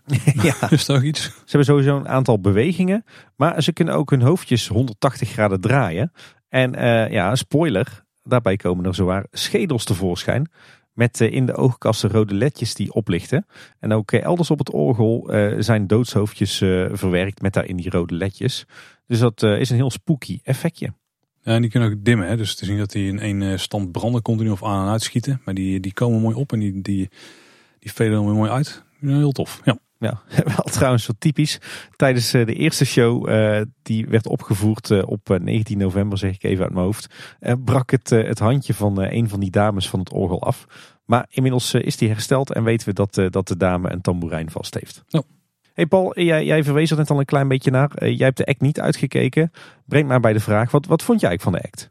Ik vond het in het begin best wel leuk om naar te kijken. Vooral omdat ze dan een beetje het verhaal vertellen. Je krijgt toch een paar hints mee of eigenlijk stukjes vullen in die we aan de hand van de eerste making-of, of making-of tussen airquotes, was het verhaal probeerden uit te leggen. Of in ieder geval iets van lading probeerden te geven waar we nog mee zaten. Hè. Dus gewoon antwoorden die we niet hadden. Die, die geven ze een aantal. Alleen op een gegeven moment wordt er eh, gezongen en wat gedanst. Ja, en dan ben je mij al vrij snel kwijt. dus, dat kunnen ze eigenlijk niet, niet makkelijk goed doen wat dat betreft. Bij jou. Nee, misschien voor mijn gevoel zat er misschien iets te veel herhalingen of zo. Dus ja, ik, heb dan liever dat ze gewoon het verhaal vertellen en de interactie met het publiek vond ik ook wel meevallen bijvoorbeeld. Misschien dat daar dan nog wat extra's uitkomt. Dus ik, misschien zijn ze nog een beetje zoekende naar hoe ze dit vorm gaan geven. De liedjes op zich die zijn wel aardig. Alleen ja, ik ga in de kou daar niet heel graag naar, heel lang naar staan kijken. Maar dat is meer een, uh, een defect dat bij mij tussen mijn oren zit, denk ik. Nou, defect, gewoon een voorkeur. laat het dan opbouwen. Ja, het zal je denk ik niet, niet verbazen dat ik het een hele mooie en ook stijlvolle act vond. Heel erg mooi uitgewerkt, ook uh, zowel het orgel als de kleding als uh, de muziek. Uh, ook wel heel erg tof dat we hier nu eigenlijk, ja, nog voordat een attractie gereed is, eigenlijk aan de hand van zo'n act een beetje de backstory of de origin story van de attractie meekrijgen. je zou eigenlijk kunnen zeggen dat, dat de Efteling hier het, het IP aan het laden is, al ruim voordat de attractie überhaupt gebouwd wordt. natuurlijk heel erg tof, iets wat we niet vaak zien in pretparkland. Maar wel een heel goed initiatief. Aan de andere kant, ik heb wel een beetje het gevoel dat deze act echt wel bedacht is met ja, een beetje de blik naar binnen. Uh, misschien moet hij iets, iets of wat toelichten. Voor mijn gevoel is zeg maar echt zo dat, zeg maar, dat het projectteam wat al heel lang bezig is met Dans Macabre en dat verhaal eromheen, dat die ook echt deze act hebben ontwikkeld samen met vooral het, het, eigen enthousiasme rond dit verhaal en rond deze ontwikkeling. Maar dat er misschien net wat te weinig is gekeken van ja, wat zou nou de normale bezoeker eigenlijk van deze act vinden? Weet je wel, hij is ontzettend tof als je natuurlijk met dit project bezig bent. En als je ja, alles eraan wil doen om dat verhaal uit te dragen. En dit is ook een hele toffe act voor de echte Efteling-liefhebbers. Maar ja, ik vraag me wel af of dit nou heel erg landt bij de gewone bezoeker. Of dat die het toch allemaal wat te, te vaag en te ingewikkeld en, en te moeilijk vindt. Ja, voor, mijn gevoel is het ja, heel erg vanuit die, ja, die interne blik zeg maar ontwikkeld, deze act. En dat is voor ons als Efteling-liefhebbers niet erg. En dat merk je ook, want het is een ontzettend populaire act. Uh, en ik zie ook bij iedere show heel veel Efteling-liefhebbers staan. Dus het is echt zo'n zo'n reuniemomentje. Maar ik heb het idee dat het voor normale bezoekers en zeker, zeker kleine kinderen niet echt te volgen is en snel ook wat saai wordt. De act is ook wel een beetje cringy. Ja, hoe vertaal je dat eigenlijk? Een beetje ongemakkelijk of zo. Maar dat is op zichzelf natuurlijk wel typisch Eftelings bij uh, Eftelings Entertainment. Maar uh, ja, het is echt voor mijn gevoel een act voor de insiders. En ja, is dat goed of niet? Uh, persoonlijk vind ik het hartstikke tof. Maar het is voor mijn gevoel geen act voor het grote publiek. Nou, in de locatie waar ze de act houden, die, ja, als je daar een groot publiek wil neerzetten, daar wordt het ook lastig. ja. Maar ik heb ook het gevoel dat je ook een beetje voorkennis nodig hebt om die act ja, te volgen. Ja. Nou, dat maakt het wel een stuk makkelijker in ieder geval. Nou ja, als we het dan, dan toch over hebben, ze proberen daar natuurlijk het verhaal enigszins uiteen te zetten. En het, het verhaal van de reis van Esmeralda proberen ze wat duiding te geven. Nu is er een liefhebber geweest, Roderick. En die heeft op Twitter geprobeerd de samenvatting te geven van het verhaal. Dus volgens mij vrij goed gelukt. In ieder geval ook van zoals ik het er een beetje eruit kan halen. Uh, misschien nou, heeft het eigenlijk nog beter gedaan dan ik het eruit had kunnen halen. het verhaal begint in ieder geval met Jozef Charlatan. Hij is dirigent van een orkest en die trekt over heel de wereld rond. En die komt op heel veel verschillende plekken. Maar hij verdwijnt opeens. En de rest van het orkest ook niks meer van hem vernomen. Als eerste stuk laat hij zijn, zijn draaiorgel achter. En dat heet Esmeralda, dus na zijn vrouw. Hè, wat hij net al vertelde, die is op een gegeven moment overleden. Vlak na het voltooien van het orgel. Het orgel lijkt wel een eigen leven te gaan leiden. En er wordt de suggestie gewekt dat dit iets met de dood van Esmeralda te maken heeft. Uiteindelijk komt het orgel dus bij Virginie terecht. Nou, die zien we dan dus in de show. En zij is de vrouw van Otto, hooglerares en ongeluksbestrijding. En toen ze in Parijs waren, toen vonden ze een orgelboek tussen de spullen van de bedovergrootvader van Virginie, Jozef dus. En met dit orgelboek kwam Esmeralda dus na jaren weer tot leven. En die leidde naar Madrid. Nou, hoe dat dan precies werkt, uh, onduidelijk. Met de trein? Ik hoop niet met de slaaptrein, Tim. Nee. En toen, daar vonden ze een tweede orgelboek bij Juan, die is voorouder in het orkest van Jozef had gespeeld. Dus leidden ze dan weer over de Alpen naar Venetië. Daar kregen ze een nieuwe aanwijzing. Daardoor moesten ze weer naar Wenen. Het lijkt wel onze vakantiestim. Ja, inderdaad. Het is gewoon een aflevering van de buitenwereld dit. Bijna wel. Daar trof ze klaviermeester Engelbert aan. Die had een nieuw orgelboek voor Virgin en Otto. Maar die waarschuwde ook. De zoektocht is niet zonder gevaar. En naar Wenen vertrokken ze naar Griekenland. Vervolgens naar Duitsland. En als laatste stop kwamen ze aan in Nederland vlakbij de Efteling. En daar voelde Virginie een bijzondere kracht. Dat is een eigenlijk het stukje wat we meekrijgen in de making-of. Ook een beetje een parallel met het verhaal achter het Lavelaar natuurlijk. Ja, alleen het is boven de grond. Oh, ja. hm, hm. En ze komen vanaf een andere richting eh, trouwens. Uh, maar daarom hebben ze dus kamp opgezet vlakbij de Efteling. En ze waren daar in de buurt van het onnoembare. En daar vonden ze die kat met die twee verschillende kleuren ogen. En midden in de nacht hoorden ze dus flarden van orkestmuziek. Ze besloten het bos in te trekken. Ja, en dan vond dat dan met het verhaal een beetje vaag, want dan is het natuurlijk niet zo duidelijk meer. Ik denk dat we daar meer making-ofs voor moeten gaan kijken. En verder besluit Roderick zijn eh, verhaal met nog een samenvatting van eigenlijk de punten die we net hebben besproken. Waar het een beetje op uit lijkt te gaan komen. Maar eh, lees die thread op Twitter als je het verder wil, wil weten. Eh, maar vooral houd denk ik de making-ofs in de gaten. En misschien dat er nog wel met de shows iets gaat gebeuren. Ja, want het gerucht gaat dat deze act uh, zou blijven bestaan tot de opening van de attractie. Waarbij de act om de zoveel tijd wordt, wordt vernieuwd. Zodat we langzaam zeker het hele verhaal achter Otto en Virginie uh, Charlatan horen. Klinkt heel erg veelbelovend. Ik ga het natuurlijk ook op de voet volgen. Maar het is wel weer een ongelooflijk ingewikkeld verhaal met heel veel karakters en plaatsen en namen.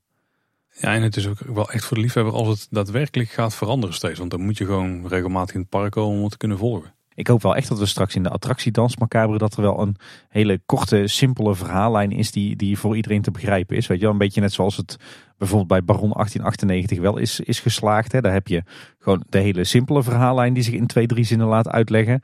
En dat daar nog een heel verhaal achter zit. Goed, dat zal de meeste mensen worst zijn. Daar heb je niet nodig om die attractie te kunnen snappen. Dat is leuk als je de echte liefhebber bent. Maar ik hoop toch dat we bij Dans Macabre ook wel een beetje een ingedikt verhaal krijgen hoor. Want uh, het is allemaal weer aardig complex. Ik, ik hoop er ook op. Tim, we moeten even door naar iets anders. En uh, daarbij moet ik eerst eventjes nou, naar mijn schoenen kijken, denk ik. Want we hebben in het verleden wel eens geroepen dat het hele spookslot plat ging. Ja, dat was ons door iedereen ook verzekerd. Ja, ook door mensen die het echt zouden moeten kunnen weten. Maar die hebben ons denk ik enigszins voor de gek gehouden. Want in één keer, uh, we hadden daar zelfs de vorige aflevering over. Hè? Toen, toen hadden we het toch al over dat het misschien wel anders zou zijn. Al geloofde ik er toen nog steeds helemaal niks van. Maar ja, op een gegeven moment, uh, het spookslot werd gesloopt.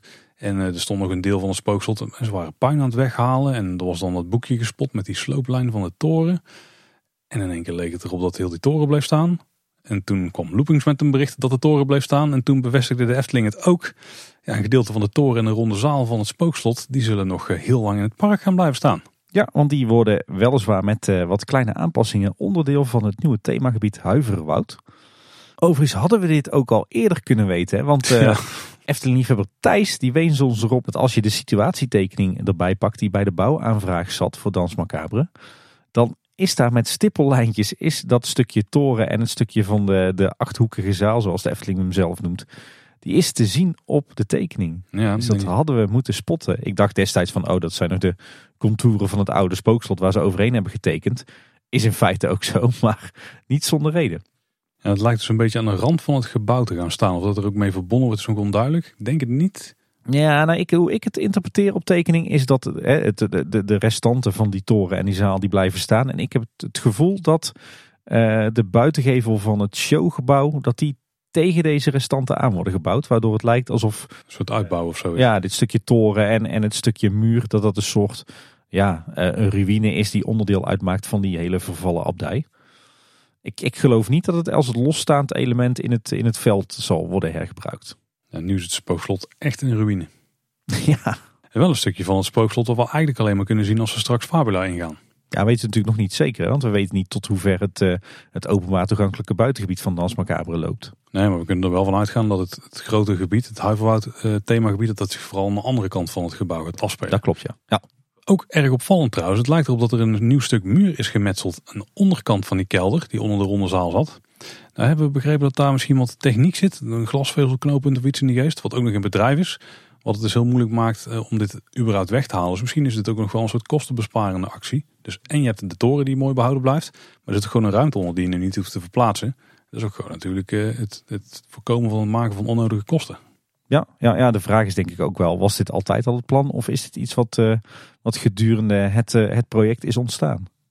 En met duint achterhoofd kan ik me bijna niet voorstellen dat dit een last minute ding is hoor. Dit, dit, ligt toch al op zijn minst een half jaar vast of zo. Nou ja, we hebben dus ook die tekening gespot met de slooplijn daarop. Dus betekent in ieder geval dat het bewust aan de voorkant zo is voorbereid. Maar ik ben wel benieuwd wat dan eigenlijk de aanleiding is. Of dat dat dan echt puur die techniek is, hè, dat glasvezelknooppunt wat ze niet konden slopen. Of dat het echt bewust is gedaan om toch een soort van ja, fysieke herinnering te hebben aan het spookslot in Dans Macabre. Of uh, een beetje van beide. Dat zal het waarschijnlijk wel zijn, inderdaad, ja. In uh, datzelfde blogbericht lezen we trouwens ook nog dat uh, een van de, de details uit die ronde zaal, de duivelse kaarshouder, dat dat een van de elementen is die zal terugkomen in de nieuwe attractie Dans Macabre. Is natuurlijk niet echt nieuws, want als je goed oplet, dan zag je dat ook al voorbij komen in, uh, in die, die impressievideo hè, die de Efteling heeft, heeft gedeeld. Maar dat is nu in ieder geval bevestigd. En volgens mij, als je goed kijkt, blijft er ook een stukje muur en een gedeelte van de hellingbaan van de oude uitgang van het spookslot staan. Oh, oké. Ik las trouwens in hetzelfde blogbericht dat uh, Team Erfgoedbeheer ook een aantal van de objecten zou opgeslagen hebben in het requisietenmagazijn onder Vogelrok. Daar uh, moeten we dan maar eens een kijkje gaan nemen. Ja, laten we dat maar eens gaan doen. Want dat geloof ik niet helemaal. Nee, ik ben benieuwd of dat erin past. Maar ja, al met al denk ik even los van wat, eh, van wat de aanleiding is en hoe het precies zal worden verwerkt in het nieuwe showgebouw. Ik denk toch wel heel tof dat er nu uiteindelijk dus toch gewoon een stuk spookslot blijft staan. Nou, ik was er dus mentaal al helemaal op voorbereid dat alles helemaal plat ging ik moest even weer helemaal uh, wennen, zeg maar, aan het idee dat het toch wel blijft staan. Ik heb jou moeten resetten. Nou, nee, ik, ik, ja, dit klinkt misschien heel stom. Ik vond het bijna jammer dat er een stukje bleef staan. Omdat ze niet gewoon met de schone lei gingen beginnen, zeg maar. Dat het gewoon echt klaar was. Maar kijk, nu blijft het stukje staan. Heel veel mensen die hoopten daar ook op. Ik ben benieuwd wat we er in de praktijk van terug gaan zien. Want ja, het ligt op een punt dadelijk waar je er niet per se heel dicht bij in de buurt kan komen misschien. Ik bedoel, hoe de infra daar allemaal gaat lopen is nog onduidelijk. Maar daar ben ik wel heel benieuwd naar. En ik ben vooral heel benieuwd hoe het dan verwerkt wordt in het hoofdgebouw. Ook al is het een uitbouw die dan verval is, misschien nog meer vervallen dan het gebouw zelf. Daar ben ik dan al benieuwd naar. Eh, hoe gaat het dan overkomen? En krijgen ze het thematisch, zeg maar, gewoon qua, ehm, qua architectuur krijgen ze het dan verwerkt in het huidige gebouw? Want volgens mij was de bouwstijl van, wat in ieder geval in de tekeningen van Loopings hebben gezien, maar ook in de achtergrond van, uh, van de concept art, is die stijl toch wel anders dan het oude spookslot. Ja, maar ik denk dat hier en daar nog wel een, eh, een kwakje spuitbeton tegen aangaat. En uh, dat ook alles wel weer een keer opnieuw uh, wordt uh, gesausd en ingeschaduwd, toch? Het heeft in ieder geval zeker potentie. En het is gewoon een stukje ja, bijna gratis thematisering wat je erbij krijgt. En een leuke knip ook. Ik bedoel, dus wel iets waar je over twintig jaar van kunt zeggen. Hier stond ooit, lang, lang geleden, een andere attractie spookslot. Maar er staat een klein stukje van. Kom maar kijken. Nou, ja. Dan kun je dat aanwijzen. Dus dat, dat is wel cool. Symbolisch is het heel tof, ja. Ja. Oh. Maar blijkbaar is dit dan toch een stuk toren die eh, niet is aangetast door klimop en zo. Ja, op zich wel logisch, want ze hebben de hele bovenste helft, helft hebben ze er vanaf gesloopt. Ik kan me voorstellen dat die er eh, slechter aan toe was en dat, eh, dat dat ook gevaarlijker is. Ja, ze hebben nu eigenlijk alleen maar de onderste, wat zal het zijn, vier meter laten staan of zo. Ja, zoiets, voor als ik het bericht moet geloven. Ja. Overigens vult mensen op dat eh, de manier waarop die toren is afgebroken, als je die, hoe moet je het noemen, die, die, die breuklijn zeg maar kijkt, of die slooplijn laat het dan zo noemen, dan is die bijna exact hetzelfde als de toren van het rondje van de molen. ja, ik zag wel wat fotomontages van die twee foto's eh, van die twee torens naast elkaar. En dat was inderdaad gewoon bijna letterlijk hetzelfde, ja. Als je een torenruïne moet tekenen, ja, dan is dat blijkbaar de manier waarop die afbrokkelen. En Eftelingse toren. Ja. Laten we hopen dat er niet nog veel meer van komen in de Efteling. Nee. Een eh, mooie verrassing. En een mooi publiciteitsstuntje toch weer. Ja. Nou. Hey, wat is er verder nog gebeurd eh, rond het voormalige spookslot en het toekomstige Dans Macabre? Nou ja, we zeiden het al, al het sloopwerk is inmiddels afgerond. Al het eh, puin wat daarbij is eh, vrijgekomen wordt momenteel afgevoerd. En ze zijn nu ook het eh, terrein aan het bouwrijp maken. Dus dat betekent dat allemaal netjes wordt opgeschoond en dat de bouwput wordt uitgegraven. Er worden nu ook extra bouwketen geplaatst op het bouwterrein nabij het Piranhaplein. En aan de zijde van Fabula wordt er hard gewerkt aan een nieuw pad vanaf de Spookslotpoort aan de Padoespromenade naar de ingang van Fabula. De fundering van het pad is al helemaal gereed, dus het zal wel niet lang meer duren voordat de bestrating wordt aangebracht. En het, het is wel vrijwel zeker dat, eh, dat dit gedeelte van het park eh, straks weer in gebruik wordt genomen om ja, van de Padoespromenade naar de reguliere ingang van Fabula te komen. En er staat nu ook al een rijtje met bouwhekken net voorbij de entree van Fabula en net voorbij eh, het beeld van de beer en de leeuw. Waardoor dat je dus ja, het zichtje wordt ontnomen op de bouwplaats van Dans Macabre. En er is ook al gestart met de bouw van een nieuwe winkel- en toiletgroep. En die wordt ook best groot, want dan kun je ook zien in het veld hè, hoe de fundering dus helemaal ligt. Ja, klopt inderdaad. Dat, eh, dat eh, viel mij ook eh, heel erg mee. Viel trouwens ook wel op dat het echt tegen het voormalig terras van het Silent Vergat aan wordt gebouwd. Dus dat wordt straks echt weer onderdeel van, van dit gebouw, lijkt het wel. Ja, en in, in een week tijd is er eigenlijk al veel gebeurd. Hè. Het bosgrond is afgegraven en ze hebben er goed zand ingegooid. Daarna hebben ze de, de prefab bekisting neergezet voor de strokenfundering die ze hier gaan maken. Elektriciteitskabels en dergelijke die zijn eh, ingevoerd onder de fundering. En nu wordt hard gewerkt, eh, gewerkt aan de wapening voor de funderingsbalken. En eh, daar komt straks het, het gebouwtje dus bovenop te staan. En ik ben erg benieuwd of we straks weer een echt bouwkundig gebouw gaan zien. Of dat ze toch weer een unit gaan neerzetten op, op die fundering. Maar dat wordt in ieder geval eh, behoorlijk snel gebouwd. Ja, en dan gaan ook wel een paar geruchten rondom het gebouw. Onder andere dat het in maart al zou moeten openen. Dat is wel heel snel. Dan moeten ze flink doorbouwen.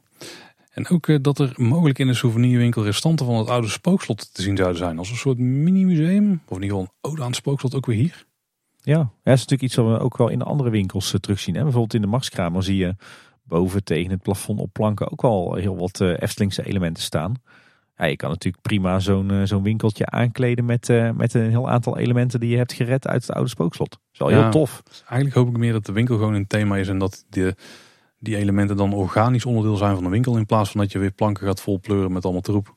Want daar voelt het toch meer als het Efteling museum zeg maar. Met de rommelzolder dan, ja, dan echt in een geïntegreerd geheel. Daar heb je eigenlijk best wel heel erg gelijk in, ja. Ik wil nog één ding aanhalen, Tim. Dit is de toiletanalyse. Hè? Ook misschien een standaard onderdeel tegenwoordig van eh, bouwwerkzaamheden. Dat is jouw, jouw blokje, hè? Ja, ja, ja.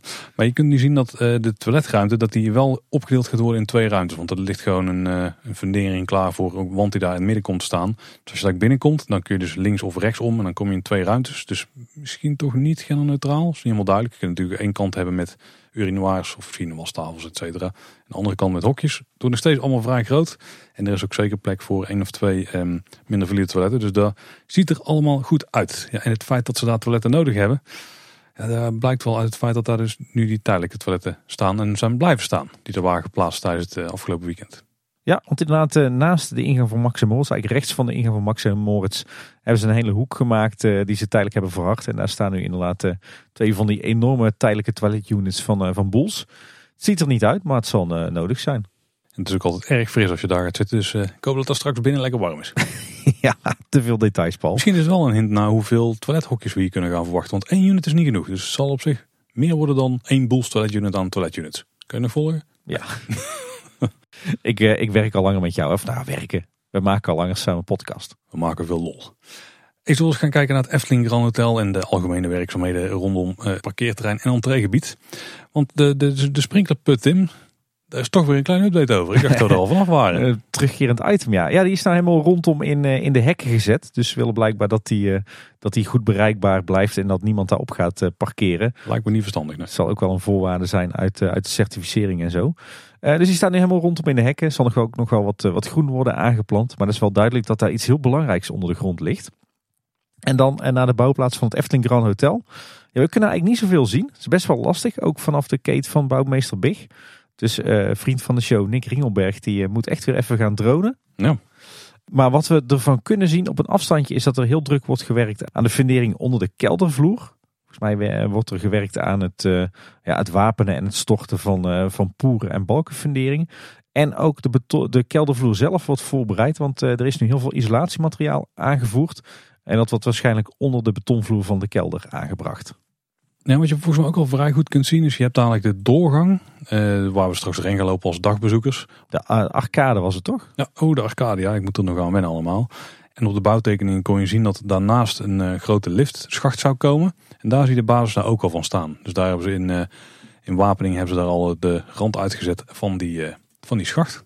Er zal straks bekisting omheen komen en zullen ze die voor gaan storten. Kijk, het allerdiepste punt van het Efteling Grand Hotel. We hadden trouwens net al eh, Nick Ringelberg eh, aan, hè, eh, vriend van de show en bekende fotograaf en cameraman. Um, we zullen even een linkje in de show notes plaatsen naar een post van hem van een paar weken terug. Met prachtige dronefoto's van onder meer het, het bouwtrein van het Efteling Grand Hotel. Maar natuurlijk ook met de rest van de Efteling in prachtige herfstkleuren. Dus echt een lust voor het oog. Ja, en er zijn zowaar ook bouwmeester big updates, Tim. ja, ook, uh, ook een apart blokje in uh, deze podcast. Ja, want blijkbaar zijn de echte bouwgeluiden nog niet voldoende die uit de bouwput komen. Want er is uh, zowaar een soundscape rondom de bouwschutting te horen. Die komt uit de speakers die op die schutting zijn geplaatst. Ja, dat is allemaal bouwgeluiden en af en toe een knor en zo die daar uitkomen. Als waren ze van achter die bouwschutting vandaan kwamen. Ik vind het een bijzondere keuze, want ik denk, ja, je bent er aan het bouwen, er komen bouwgeluiden uit een beetje gek om die dan te faken. ja, inderdaad. En die hoor je ook gewoon nog s'avonds in het donker tijdens Aquanura. Oh. Ja, ik moet zeggen, ik, ja, ik kan er wel mee lachen. Ja, maar toch, je, ehm, de hele route, het park in hoor je die dingen dus. Hè. Dan eh, knocht er links van je een big. Kijk, als het rondom de keten hadden gedaan, had perfect gepast daar, denk ik, weet je wel. Maar ja, ik, ik snap het idee wel. Want daarachter die bouwschutting is big natuurlijk bezig. Maar het is toch een beetje vreemd dat je een beetje zo'n half cheesy grapje dan meekrijgt eh, tijdens de, twee minuten dat je langs dat ding wandelt. Nou ja, het, het, benadrukt natuurlijk wel het feit dat daar achter die schutting gebouwd wordt. Ja, maar dat doet op zich het bouwen aan zich ook wel hè. Die kranen die eruit steken en uh, het geklengel van uh, hamers en uh, het vastzetten van wapeningen en zo. Ja, ik, ik, ja ik, ik vind het niet vervelend. Ik vind, vind het wel leuk. Het geeft eigenlijk een beetje een, een positieve, lichtkomische draai aan die bouwwerkzaamheden daar. We hadden het vorige keer ook al over het telefoonnummer. Hè? Wat eh, erg miste met het telefoonnummer ehm, van, een, uh, van iemand gewoon ergens uit het land. Maar uh, blijkbaar waren mensen zo gewend om 06-nummers te draaien. En dat zijn nummer daar heel erg op leek. Ja. De Efteling heeft het nummer nu aangepast. In ieder geval visueel. Want er staat nu plus 31 416 en dan 288000. Mocht je willen bellen naar bouwmeester Big. Het stond eerst 0416. En daar zit tussen de crux in. En nou ja, Loopings heeft even gecheckt bij de man. Want die had hem al eerder gesproken van ben je nou tevreden met die fix? Hij heeft nu in de week nog maar één belletje gehad. Dus hij is tevreden, het gaat de goede kant op. Hij zal zich bijna eenzaam voelen, denk ik. Nou ja, dan had hij niet zo'n probleem gevonden dat hij helemaal plat gebeld werd natuurlijk. Dat is waar, dat is waar. In ieder geval wel tof dat de Efteling zo serieus luistert naar eh, de klachten van deze, deze beste man. En, en de vorige keer had jij het er ook eigenlijk al over, uh, Paul, of uh, plaatste jij die opmerking. Maar in de kate van bouwmeester Big zien we nu daadwerkelijk een blauwdruk van het Efteling Grand Hotel. Volgens mij van uh, de zijgevel van het hotel waar straks de ingang van de lobby uh, zit. En daar overheen ligt uh, een, die laatste impressietekening van Sander. Dus we zien in de keten van bouwmeester Big daadwerkelijk bouwtekenen van Efteling Grand Hotel. Dat is natuurlijk heel logisch.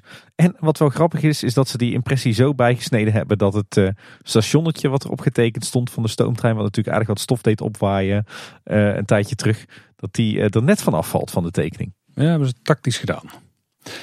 Even iets heel anders. Er is meer bekend over de tentoonstelling in het Noord-Brabants Museum over de Efteling. Op heel veel plekken is er informatie over gedeeld. Het gaat over, het heet Efteling de tentoonstelling. Vrij uh, bazaal. Goeie, goeie naam. En die gaat plaatsvinden van 4 maart tot en met 21 mei 2023. Dat is toch wel vrij kort. Ja, heel kort. Dus maak echt uh, dat je erbij bent. Want ik denk dat het best wel eens uh, heel populair gaat ja. worden. Hij gaat in ieder geval honderden tekeningen en objecten bevatten, zoals originele tekeningen van Piek, technische vondsten van Peter Reinders, de eerste spiegel van Sneeuwwitje, dat is heel cool, en veel recenter belangrijke objecten van het spookslot, die sinds de sluiting een historische waarde hebben gekregen. Ja, heel tof sowieso vind ik honderden objecten ook wel als heel veel klinken hoor. Als je dan ziet wat we in het Efteling Museum hebben staan en liggen, dan, uh, dan gaan we blijkbaar veel meer zien in het Noord-Brabants Museum. Nou, in het Efteling Museum liggen er ook wel honderden. ja. Over stond er ook een, uh, een artikeltje in het Brabants Dagblad over dit onderwerp. We zullen er ook naar linken in de show notes.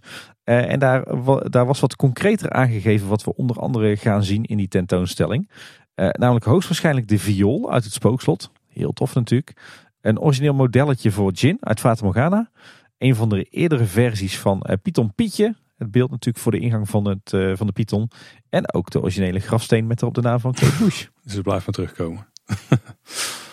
ook zijn er een aantal mini-documentaires te zien. En daar zit de bezoeker Efteling-medewerkers aan het werk. En uh, je kunt dan meekijken bijvoorbeeld over de schouders van de hoofdontwerper in zijn werkkamer. Daar kijk ik nu al naar uit, Tim. Er wordt even speuren in de achtergrond naar hints van toekomstige dingen. En een decorateur die ligt al wandelend door een bekende attractie, Symbolica, zijn, eh, zijn werk toe. En dan hoor je meer over de achtergrond van bijzondere ornamenten die normaal gesproken alleen maar op afstand tijdens de rit kunt bewonderen. Klinkt heel cool. Ik ben heel erg benieuwd naar die documentaires. Ja, en ik lees in het Brabants Dagblad ook nog eh, de zin... Fans proberen hun Efteling liefde in woorden te vangen. Oeh. Dat klinkt ook eh, veelbelovend. Het einde van de expositie zou iets heel bijzonders moeten worden. Want ze schrijven net wanneer de bezoekers een stukje dichterbij zijn gekomen in het ontrafelen van de magie. Worden ze in de laatste zaal van de tentoonstelling terug de betovering ingezogen. Dan komt namelijk het verhaal op zijn Eftelings tot leven en wanen zij zich voor een paar minuten in de ongrijpbare wereld vol wonderen. Ze hebben goede tekstschrijvers daar bij het museum. Ja, de Efteling had vorig jaar toch ter gelegenheid van 70 jaar Efteling zo'n zo'n hele aparte video uh, gemaakt met uh, beleefde Efteling in 4D of zo. Dat was, was een heel vaag verhaal over wat nou de, de charme van de Efteling was. Zouden die niet gewoon hier om ons heen uh, te zien gaan krijgen? Zegt me vaag iets, maar dat is mooi, want dan kan ik hem daar weer herbeleven. Ik denk dat dat die video is. Ik zit net even te kijken op de, de YouTube stream van de Efteling en ik kan hem ook niet meer terugvinden daar. Dus misschien dat ze hem nu uh, exclusief voor in het Noord-Brabants Museum hebben bedacht. Ik heb ook het idee dat ze in het Noord-Brabants Museum een stukje van het huidige Efteling Museum willen namaken. Want er is namelijk een oproep voor de mooiste paddenstoelenfoto. Die moet je voor 20 december indienen. Dat kan op hnbm.nl eh, slash paddenstoel of het noordbrabantsmuseum.nl slash paddenstoel. En ik vermoed dat dan jouw, uh, jouw foto een plekje kan krijgen in de expositie. Ja, ik denk dat wij sowieso nog wel een, eh, een bezoekje gaan brengen aan deze tentoonstelling samen, toch? Die kans is ongeveer 100% denk ik. ja, van iets wat pas in de verre toekomst gaat plaatsvinden, niet naar iets wat in de, het recente verleden heeft plaatsgevonden. Ik dacht dat je ging zeggen van iets heel moois naar iets heel lelijks. Dat was misschien ook wel een mooi bruggetje geweest hier, want 25 tot en met 27 november vond er een eh, Lidl weekend plaats in de Efteling vanwege 25 jaar Lidl. Is het nou Lidl of Lidl? Ja, ik heb het alle twee maar gezegd. Dan zeg het in ieder geval een deel van de tijd goed. Of is het Lidl? Dat heb ik ook al eens voorbij nou, Ik denk misschien wel Lidl, want het zijn kleine prijzen. Lidl, klein ook. Ja, het is Duits. Ja. Nou, die ja, ook wel. Niet toe. Sommige Duitsers hebben humor. Deels is ook de bedrijfsevenement waar uh, die uitzondering voor Aquanura voor was aangevraagd. Uh, zodat Aquanura ook om kwart over elf nog een keer uh, getoond kon worden. Was trouwens ook heel netjes aangekondigd met een pagina grote advertentie in de Duinkoerier, ons plaatselijk krantje. Nou, dat allemaal nog daar aan toe. Maar toen kwam het in. Het hele entreegebied was namelijk op zijn Liddels aangekleed. Met spandoek op de entree, kraampjes en banners op het theaterplein. En vaandels op de Pedoespromenade. Er was ook een speciale plattegrond. Die werd aan iedereen uitgedeeld, ook aan de gewone gasten. Je kon er niet omheen. Er was ook alleen maar een Nederlandse plattegrond beschikbaar. Want ja, er was alleen maar een Lidl plattegrond op die dag. En er was ook een eh, I Love Little Experience in het Fata Morgana evenementencomplex. Nou, daar hebben ze toch wel echt voor elkaar gekregen om... Nou, zelfs het kleuterhof naar de kroon te steken qua lelijkheid. Non de we in... Oh, nee, dit, dit is echt... Ja, nee, dit was gewoon echt vet lelijk. Ja, ja, die poort, ze hadden volgens mij een of andere houten poort getimmerd in de, de, de primaire Lidl kleuren. Maar die stond aan het pad naar de Fata Morgana. Dat zag er niet uit. Nee, dat zag er echt niet uit. En ook een rare entertainment echt op het Fataplein geloof ik. Van iemand die uh, een of andere verkoper met bordjes gratis, gratis, gratis. Bijzonder. Ja, in het algemeen was dit wel vrij bijzonder. Want het is de laatste keer. Nou, dit is, het is lang geleden, laat het zo zeggen, dat ik me kan herinneren dat ze zo hebben uitgebakt bij een uitverkoop. Nou ja, weet je het is? Kijk, je hebt natuurlijk altijd al heel veel bedrijfsevenementen gehad. Ze, zijn natuurlijk, hebben even stilgelegen in de coronaperiode. Uh, maar vroeger was het natuurlijk zo, voordat de Efteling 365 dagen per jaar open was, dat als er echt een uitkoop was door zo'n bedrijf als bijvoorbeeld de Lidl of de AWB of een Unox of uh, nou roept u maar, dan was het park ook echt dicht voor normale gasten. Goed, sinds een aantal jaar kan het natuurlijk niet meer omdat de Efteling 365 dagen per jaar open is. Dus tijdens zo'n bedrijfsevenement kunnen ook gewone bezoekers naar het park. Soms abonnementhouders ook, in dit geval niet.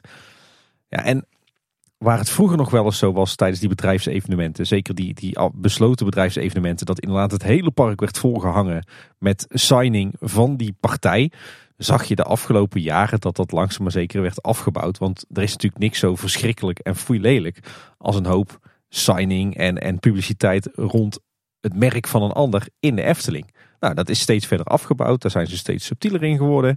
Ook terecht, denk ik, hè, want er lopen ook nog normale bezoekers in je park. die misschien wel hun allereerste dag Efteling doen ooit. En voor wie het toch de eerste indruk is. Alleen het lijkt wel alsof ze dat allemaal vergeten zijn. En alsof ze deze keer weer ouderwets hebben uitgepakt met al die ja, Lidl-uitingen verspreid door het hele park. En ik kan me niet helemaal in de schoenen verplaatsen van die Lidl-medewerkers. Maar wat zouden die daar zelf van vinden? Zouden die dan tof vinden dat hun werkgever overal terugkomt in zo'n dag Efteling? Of zouden ze het juist tof vinden om even niet in de werksleur te zitten? Ja, misschien heel, om aan, de, aan, aan het werk herinnerd te worden. Terwijl ze toch met collega's gewoon iets anders aan het doen zijn, zeg maar. Ik, ik denk dat vooral de directie en het management het heel stoer vindt dat zij de Efteling hebben overgenomen. Ja, ja nou, dat denk ik dus ook, ja. Kijk, en ik, ik, ik snap het op zich, zo'n bedrijfsevenement. Het brengt natuurlijk ook een bak geld binnen bij de Efteling. Maar ja, weet je, ben daar nou eens iets selectiever mee, weet je wel. Geen groot spandoek op het Huis van de Vijf Zintuigen. Maar zet lekker bij de evenementenkassas wat vlaggen neer, weet je wel. Deel je Lidl plattegronden lekker uit aan je eigen gasten en niet aan alle gasten. Reserveer dan een hoekje op het theaterplein. Uh, zorg er dan voor dat die uitingen rond de Lidl alleen in het Vata evenementencomplex te zien zijn. Maar confronteer niet al je andere bezoekers met al die verschrikkelijk lelijke ja, uitingen rond uh, een andere bedrijf. Want ja, weet je, wat ik al eerder zei, er lopen ook gewoon normale gasten door het park. Die vaak uh, heel veel geld hebben betaald voor een weekendje in Bosrijk of het Efteling Hotel. En die lopen ineens door een soort van, ja, mix van Efteling en een Lidl filiaal. Dat is toch niet wat je uit wil stralen? Nee, ik denk, ik denk dat hier wel iets is doorgeslagen. Ja, een stuk minder problemen als het gewoon echt uitkoopse is. Dus dat niemand anders het park in kan. Maar dat bestaat niet meer. Dus ja, het ging zo goed al, die, eh, al jaren. Hè? Het is, ze zijn hier echt een keer eh, helemaal uit de bocht gevlogen. Nou, dat moet natuurlijk geld verdiend worden, maar het is niet eh, de, de 9 plus ervaring voor de mensen die echt helemaal niks met de Little hebben. Eigenlijk zou je gewoon op het moment dat je zo'n evenement als dit voorbereidt, ook echt even zou er iemand moeten zijn binnen de Efteling organisatie die zegt van, oh, ik loop even in gedachten met de bril van een bezoeker rond die niks met Lidl heeft, die voor de allereerste keer in zijn leven in de Efteling komt die overnacht op Bosrijk, die misschien uit Engeland of Frankrijk of Duitsland komt. En hoe ervaart hij of zij nou de Efteling op die dag? Ja, niet alleen die dag. Het was een heel weekend, hè? Ja. Dus uh, nou, het was nogal wat. Het is in ieder geval geen, geen goede eerste indruk, denk ik, uh, als je voor het eerst naar de Efteling gaat en je komt in zo'n Lintel-weekend terecht. Dus ja, daar mogen ze wat mij betreft best wel weer iets strikter op zijn. Ja. Tim, het is weer tijd voor een huishoudelijke mededeling, want de openingstijden en prijzen tot en met 7 mei 2023 die zijn bekend. reserveren kan ook tot en met 7 mei voor de mensen die, uh, die een ticket hebben gekocht. De openingstijden vanaf 5 maart, nou, het is weer een hele puzzel, maar door de week zijn ze van 10 tot 6 en in de weekenden ook van 10 tot 6, maar soms van 10 tot 7. In april en mei zijn ze door de week van 10 tot 6, maar in de weekenden de paasvakantie en de meivakantie van 10 tot 7. En eigenlijk valt het dus op dat het nergens meer tot 8 uur open is. Nee, dan moet je paasvakantie en meivakantie wel heel breed zien. Want ze hebben niet alleen de Nederlandse paas- en meivakantie gepakt. Maar ook de Belgische en de Duitse. Dus uh, er zijn best wel wat weken volgend jaar in april en mei dat het park uh, echt dagelijks open is tot 7 uur. Maar inderdaad niet meer op de, de, de echt grote feestdagen zoals een eerste en tweede paasdag tot, uh, tot 8 uur open. Blijkbaar is toch de ervaring tijdens vorige edities dat dat niet, niet helemaal nodig is. Maar tot, tot 6 of tot 7 open dus. Oh. Nou, de prijzen zijn ook aangepast. Die liggen nu tussen de 41 en de 48 euro voor de reguliere tickets. En dat is eh, als je per ticket gaat kijken ongeveer een verhoging van 1 tot 2 euro ten opzichte van vorig jaar. Wat nog best minimaal is. Ja, inderdaad. Ik zie hier dat de ticket reus, wat echt zeg maar voor het hoogseizoen is, die gaat van 46 eh, naar 48 euro. Maar bijvoorbeeld het, eh, het ticket vaak hier, wat het goedkoopste ticket is, die blijft 38 euro. Daar hebben we hier in een glazen bol iets over gezegd, maar ik weet niet meer wat. Ik denk wel dat ik het was, maar Ik denk dat het nog uh, lastig wordt om puntenwaarkaart te sprokkelen. Want jij gaat uh, ruim aan kop. Ja, de verhoging van de ticketprijzen is in ieder geval uh, zeer beperkt. Nou, Tim, ook iets waar jij altijd bij op kop gaat is het onderhoud. Zullen we daar eens aan gaan kijken? Ja, ik, ik, kan niet wachten. Ik heb sowieso de afgelopen vier weken in mijn vervallen klooster heb ik in, in een paar dagen tijd er een berg, berg onderhoud erin gedouwd hoor. Dat was wel even lekker om het zelf te, te kunnen regelen. Maar goed, daar gaan we het nu niet over hebben natuurlijk in het onderhoudsblokje van Kleine Boodschap. Maar wel groot nieuws, want ja, toch uh, altijd uh, de hoogtepuntjes in het jaar. De onderhoudskalender op uh, efteling.com, die is weer gevuld. En wel voor nou, de komende maanden, volgens mij tot, tot aan mei 2023. Even wat highlights eruit. de Vliegende Hollander en Ravelijn die zijn allebei gesloten van 9 januari tot en met 31 maart. Dat zijn natuurlijk de gebruikelijke wintersluitingen. Maar we hoorden wel signalen dat er misschien bij de Hollander wat leuke dingen gaan gebeuren. Oh, geef mensen geen valse hoop. Nee, laten we hopen dat dat uh, niet het geval is. Uh, de Piranha is dit jaar, uh, blijft langer open. Die sluit namelijk ook pas op 9 januari en is op 10 maart alweer open. En, en naar verluid is dat gewoon voor het, het jaarlijkse onderhoud. En gaan we daar nog niet die grote onderhoudsklus zien met onder meer de herbouw van al die rotsen. Dat zou zijn uitgesteld tot volgende winter. Verder is de oude Tufferbaan uh, dicht van 16 tot en met 27 januari, twee weekjes. En de Python is uh, wat langer dicht van 3 tot en met 28 april. Kleine maand, dus uh, wellicht wordt daar gewerkt aan, aan de, de lassen of de baan.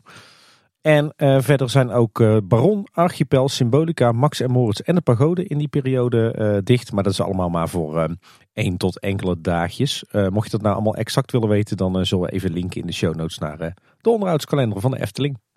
En dan het rondje park, Tim. Waarbij we starten in Fantasierijk natuurlijk.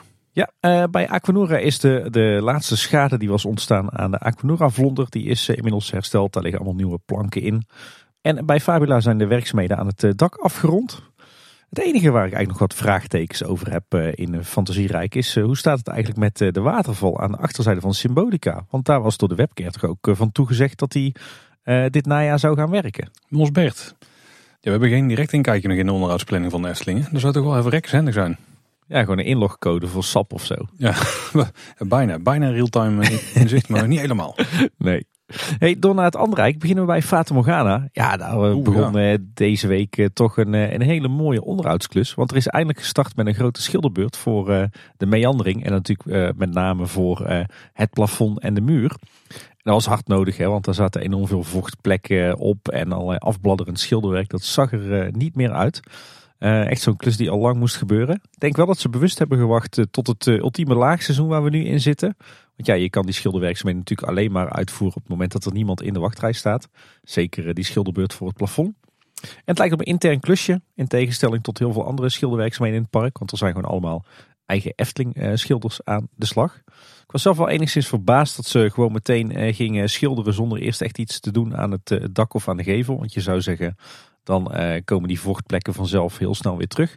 Maar ze hebben in ieder geval iets van een of andere voorstrijk opgestreken voordat ze het hebben gesausd. Dus laten we hopen dat het nu wel goed blijft zitten, ondanks al het vocht in de muur en in het plafond daar. Die lelijke fotolijsten met ja, al die kitscherige dierenfoto's, die zijn tijdelijk van de muur afgehaald. Tenminste, daar lijkt het wel op. Want volgens mij zitten de, de planken waar ze ze aan bevestigen, die zitten er nog op. Maar wat mij betreft keeperen ze die meteen in de container. Maar goed, in ieder geval een hele, hele fijne opknapbeurt waar we echt uh, lang op zaten te wachten. Ik hoop alleen dat ze de koepels van de zijgevel van de vaten nog aanpakken. Want die zijn allemaal behoorlijk vuil van de alg. Ja, Max en Moritz is natuurlijk een, een tijdje dicht geweest hè, vanwege allerlei storingen en ook problemen met de baan waar de Efteling samen met de firma Mak aan heeft gewerkt. Nou, inmiddels is Max en Moritz weer open. En interessant om te zien is dat er op de perrons markeringen zijn aangebracht om in de gaten te kunnen houden hoe ver de treinen doorschieten. Uh, wat natuurlijk een probleem is waar ze de laatste tijd veel mee te maken hebben. Blijkbaar wordt het op de een of andere manier uh, gemonitord. En de laatste keer dat ik in Max Moritz ging, viel me op dat de Max-trein aanzienlijk langzamer ging dan de Moritz-trein. Dus die kwamen ook op, ook, die kwam een stuk later het, het, station binnenrijden. En verder zagen we natuurlijk ook al dat dat de kraanbaan aan de buitenzijde van het station van Max Moritz dat die wat, wat verlengd was. Maar ook binnen zijn er wat werkzaamheden geweest aan die, ja, die takelunit waarmee dat ze dus treintjes van Max Moritz uit het station kunnen takelen. En zoals wij aan de live hebben ondervonden, Bekkerij Krummel die was een week dicht voor een grote schoonmaak en wat schilderwerkzaamheden. En achter Fata Morgana wordt flink gegraven. Nou, er wordt nog steeds flink gegraven. Maar ook aan die grondwal die daar ligt, richting eigenlijk de parkeerplaats van het Loonse Land dan. Die is uh, voor een deel weggehaald. Daar lijken ze een beetje van heel zand aan het aanleggen zijn. Komt er dan een overkapping of zo te staan? Misschien ook iets voor het project Gasloos of zo? Want daar zijn die graafwerkzaamheden ook voor. Ja, misschien dat er een of andere technische unit komt te staan die daarmee te maken heeft. Ja, het lijkt bijna dat ze hier een fundering of zo gaan neerkloppen. Nee, dan zou het zwart zand volledig laten. Maar het is best een groot oppervlak, dus misschien een overkapping naar een technische unit onder of zo. Nou, ja, parkeerplaats misschien? Dat is ook nog zomaar kunnen, ja. Maar dan kijk je nu dus wel vanaf de buitenkant van het eh, park zo tegen de achterkant van Fata Morgana aan. Ja, nog wel, maar ik verwacht dus wel dat er iets komt wat het dicht uh, maakt. Een gebouwtje of zo. Ja, in ieder geval een schutting ja. met een overkappingje. Want, die, want ze hebben geen vergunning aangevraagd. Dus zal zoiets moeten zijn. Ja, klopt. Uh, volgens mij moet wel door naar raak geraakt, Tim. Ja, klopt. Dan gaan we natuurlijk naar uh, het groot onderhoud aan Joris en de Draak. Uh, mooi om te zien is dat de stalen Titan track van GCI inmiddels is geleverd. Natuurlijk die extra stevige track die ze in de bocht gaan aanbrengen bij zeg maar onder de, de, de kurkentrekkers van de Python omdat dat blijkbaar de, de plek is van, van de baan van Joris en de Draak die het, het allermeeste lijden heeft. Nou, die, die track die is in allerlei onderdeeltjes aangeleverd, maar die wordt daar ter plekke onder de keukentrekkers van de Python in elkaar gezet. En dan ontstaan er hele grote delen track die echt in één keer in de baan gehezen kunnen worden. Dus die zijn ook echt aan elkaar verbonden met, met liggers. Dus ja, zijn eigenlijk gewoon hele elementen die ze in één keer kunnen aanbrengen. En het valt me ook op dat de loopvlakken, waar de wielen van de achtbaantrein uh, overheen rijden, dat die ook rechtstreeks op die stalen Titan Track gemonteerd zijn. Dus daar zit ook geen hout tussen of zo. Volgens mij is het ook dat ze die ook vrij makkelijk zouden kunnen vervangen mocht het nodig zijn vanwege slijtage. Wat ik me daar wel kan voorstellen, want er komt nogal wat kracht op te staan en wel warmte komt er vrij en zo, dus kan nog wel wat te lijden hebben. Maar de, de ritbeleving moet toch totaal anders zijn hier, want je gaat dus uh, op hoge snelheid ga je vanaf uh, ja, trek die bestaat uit acht lagen hout ga je over op eh, een loopvlak dat direct op een, eh, een stalen ligger is gemonteerd. Ja, maar die wordt nog wel ondersteund door hout. Hè? Dus het zal nog steeds wel iets meeveren, maar niet zo erg als hout zelf. Ik ben ook benieuwd wat het eh, qua geluid gaat doen. Ja, volgens mij wordt het dat stukje een stuk smoother. En dan ga je weer verder gewoon op de rachtbak die Joris en de Draak al was. ja, het was wel mooi om te zien trouwens. Het was echt, echt ja, een soort mecano in het grote. Zo, ja, inderdaad. Ja, ja.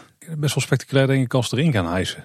Ja. Daar zullen ze vast wel beelden van maken. Mochten we er niet zelf bij kunnen zijn. Anders zijn er vast Efteling-liefhebbers die, eh, die daar wat plaatjes van schieten. Dat zou mooi zijn. Hey, we zagen ook al wat beelden voorbij komen dat een aantal Vliegende Hollander boten al uh, weer bij Bom Engineering staan. Een metaalbewerkingsbedrijf wat volgens mij het jaarlijks onderhoud aan de boten doet. En een hele langdurige storing die eindelijk uh, is opgelost. Want de klok op het stationsgebouw van de Oude Tufferbaan die werkt eindelijk weer en staat op, op tijd. Kijk, nou, dan door naar het Reizenrijk. Daar was uh, toch een uh, ja, redelijk langdurige storing bij de gondoletta. Volgens de Efteling was er sprake van een probleem met een omloopschijf. Dat is zo'n ja, zo'n schijf onder water waar de staalkabel overheen loopt waar de bootjes aan vastzitten. En de collega's van Teamtalk die konden vertellen dat een van die schijven verzakt zou zijn. En als gevolg daarvan zijn verschillende bootjes losgekomen van de staalkabel. Uiteindelijk is de gondoletta op 25 november weer in gebruik genomen. Verder wordt er gewerkt aan uh, dat nieuw stukje landscaping hè, tegenover Baron 1898. Dat wordt nou lekker aangeplant met allerlei struiken en plantjes. En ja, toch wel even een oproep aan de Efteling. Je hebt natuurlijk aan de Gondoletta Vijver ook de magische kijker staan. Hè. Op zich een heel tof elementje waar je doorheen kon kijken. En dan zag je draken vliegen boven de Gondoletta Vijver. Nou, dat ding is echt al maanden stuk. Of je ziet helemaal niks. Het is helemaal zwart. Of je ziet uh, een of andere foutmelding. Ja, dan denk ik, zet er een hek voor of, uh, of haal hem helemaal weg. Want nu heb je iedere keer mensen die erin kijken en die dan uh, enigszins teleurgesteld zijn. Door naar het Marenrijk, daar gebeurt natuurlijk ook heel veel goeds qua onderhoud. Zeker bij Villa Volta. Dat gebouw stond helemaal in de stijgers. Langzaam maar zeker worden die afgebroken. de gevels die zijn helemaal netjes van, van boven tot onder gesausd. En ook al het houtwerk is weer gelakt. Ze moeten alleen nog even de villa opnieuw inschaduwen. en ook de toegangspoort van het voorplein die is helemaal opnieuw gesausd. Het attractiebord bij de ingang van de meandering is tijdelijk even verwijderd. Waarschijnlijk krijgt hij een welverdiende schilderbeurt. En er staat er een tijdelijk sandwichbord bij de ingang. Overigens wel grappig. Daar staat met grote letters vervloekt huis op.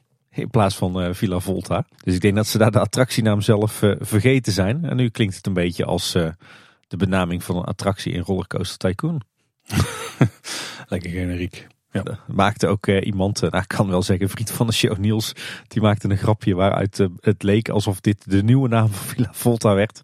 Maar dat zorgde ook weer voor de nodige ophef. Maar dat was natuurlijk een storm in glaswater. En wel iets opvallends in de voorshows. Die zijn natuurlijk helemaal opnieuw uh, gestuukt met cement. De vorige keer melden we al dat het opvallend was dat er heel veel haarscheurtjes in zaten. En, en nu blijkt er ook daadwerkelijk hele plakkaten stukwerk van de muren afvallen. Dus daar is iets, uh, iets misgegaan in het onderhoud. Dan door naar het Antropiekplein. De muzikantenpoort die is opnieuw opgemetseld met ijzelsteentjes. Was ook hard nodig, want die was helemaal aan het doorscheuren. die is inmiddels klaar. Er liggen ook nieuwe betonafdekkertjes bovenop. En de winterse beeldjes zijn nu geplaatst. Uh, iets wat nog wel wat aandacht verdient is het, uh, het echt het fijne decoratieschilderwerk met het penseeltje op uh, de gekroonde eend en zwaankleef aan. En dan met name de, de tafereeltjes binnen. Die zijn er echt heel, heel slecht aan toe. Dus volgens mij een mooi projectje voor de decoratieafdeling. En een deel van de oostelijke entree van het Witte Paard is afgezet met hekken. daar heb je natuurlijk voor de entree die prachtige patroon voor kinderkopjes. Hè, waar ze met kinderkopjes zeg maar, het Witte Paard hebben mm -hmm. gemaakt. En uh, die, uh, die kinderkoppen die steken allemaal omhoog. Omdat uh, die boom die erin staat voor de nodige wortelopdruk zorgt. Dus hebben ze wat valgevaar. Ik hoop dat ze de boom gewoon laten staan. En dat ze de kinderkopjes gewoon opnieuw aanbrengen. En niet dat de boom sneuvelt of dat de kinderkopjes weg moeten. Want dat is toch wel een heel mooi gezicht. Dan tot slot in het Sprookjesbos een leuke toevoeging bij de Chinese nachtegaal. Er zijn een aantal mooie gethematiseerde nieuwe bloempotten geplaatst met prachtige boompjes erin. En iets grappigs bij de Zeemermin.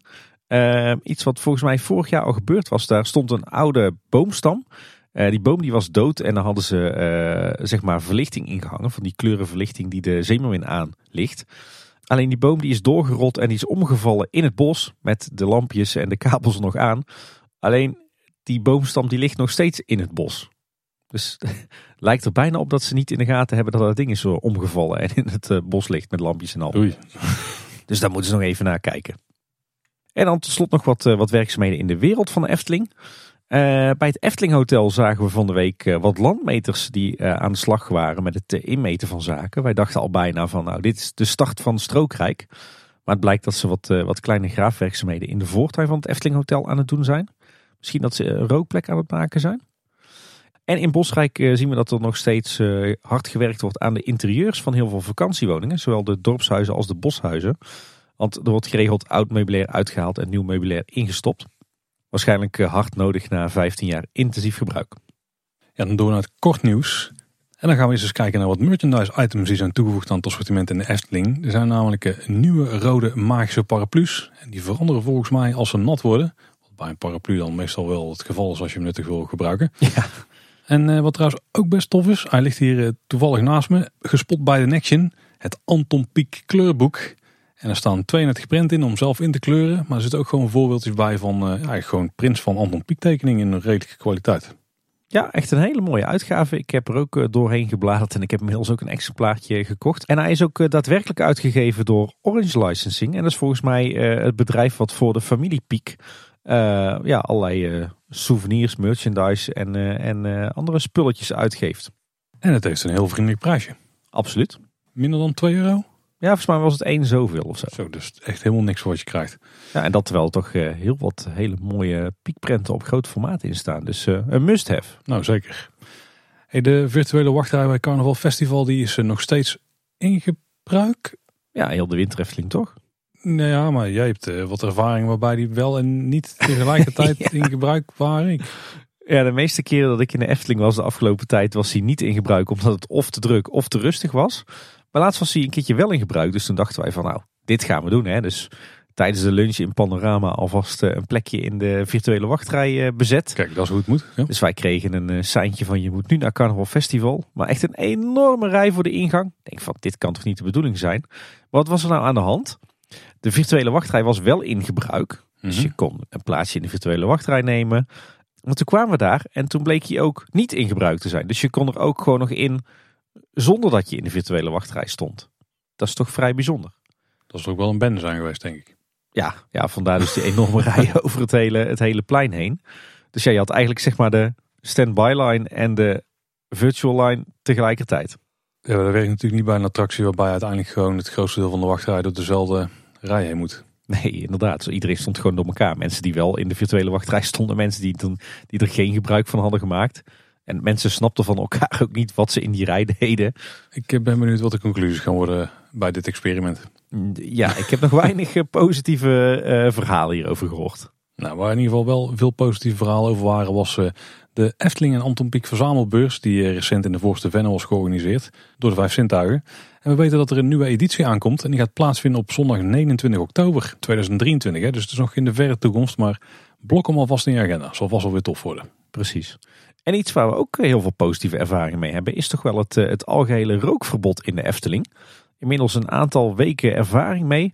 En volgens mij gaat het hartstikke goed. Want de rookplekken die zijn allemaal druk bezet. Soms eh, staan de rokers als haringen in het tonnetje achter eh, de coniferen. Dat is dan ook wel weer grappig om te zien. En het rookverbod wordt ook eh, daadwerkelijk gehandhaafd. Want ik heb het al meermaals meegemaakt dat, dat ik naast iemand stond die aan het roken was. En dat hij echt ferm werd aangesproken door het personeel. Oh, dat is heel goed. Ja, en met resultaat, want je ziet eigenlijk vrijwel nergens meer, meer rokers in het park. We zeiden trouwens de vorige keer dat, dat de omroep op de parkeerpromenade en het, in het Huis van de Vijf Zintuigen over het rookverbod in het Nederlands en Engels was. Maar hij is ook in het Duits en in het Frans. Dus viertalig. En heel netjes ingesproken trouwens. Ja, absoluut. Die, die stem die mogen ze wat mij betreft overal in de Efteling gebruiken.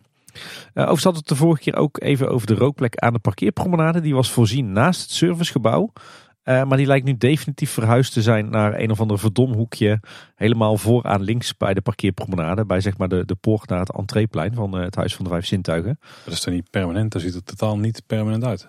Nee, maar misschien is het een, eh, een noodoplossing. Het is in ieder geval weg bij het eh, servicegebouw. Dus misschien dat ze daar heel hm. veel last hadden van, van de rook vanuit die rookplek. Ah ja, nou, dat zou zomaar kunnen. Ja. Ook nog interessant feedback van Wessel. Want we hadden de vorige keer over de maatschappelijke kwesties hè, die opgelost werden in de Efteling in de afgelopen jaren. En had nog een paar meer voorbeelden.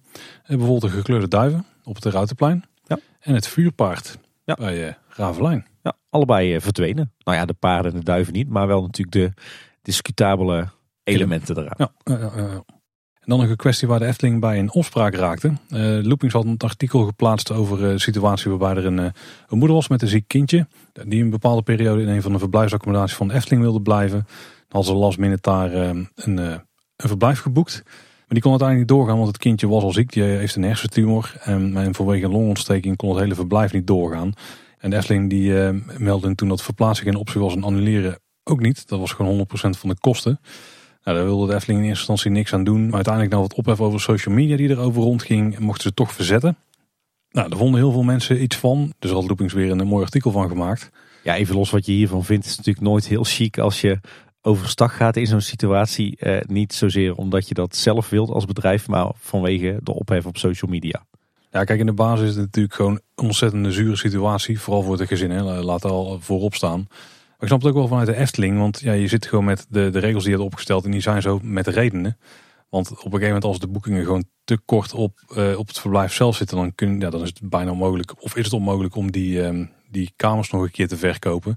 En als iedereen klakkeloos zou kunnen annuleren, nou ja, dan, dan, dan ga je gewoon heel veel kosten mislopen. Nou, dus als je een bedrijf wil runnen en het verblijf gewoon vol hebben, is dat geen goed businessmodel. Laten we daarop houden.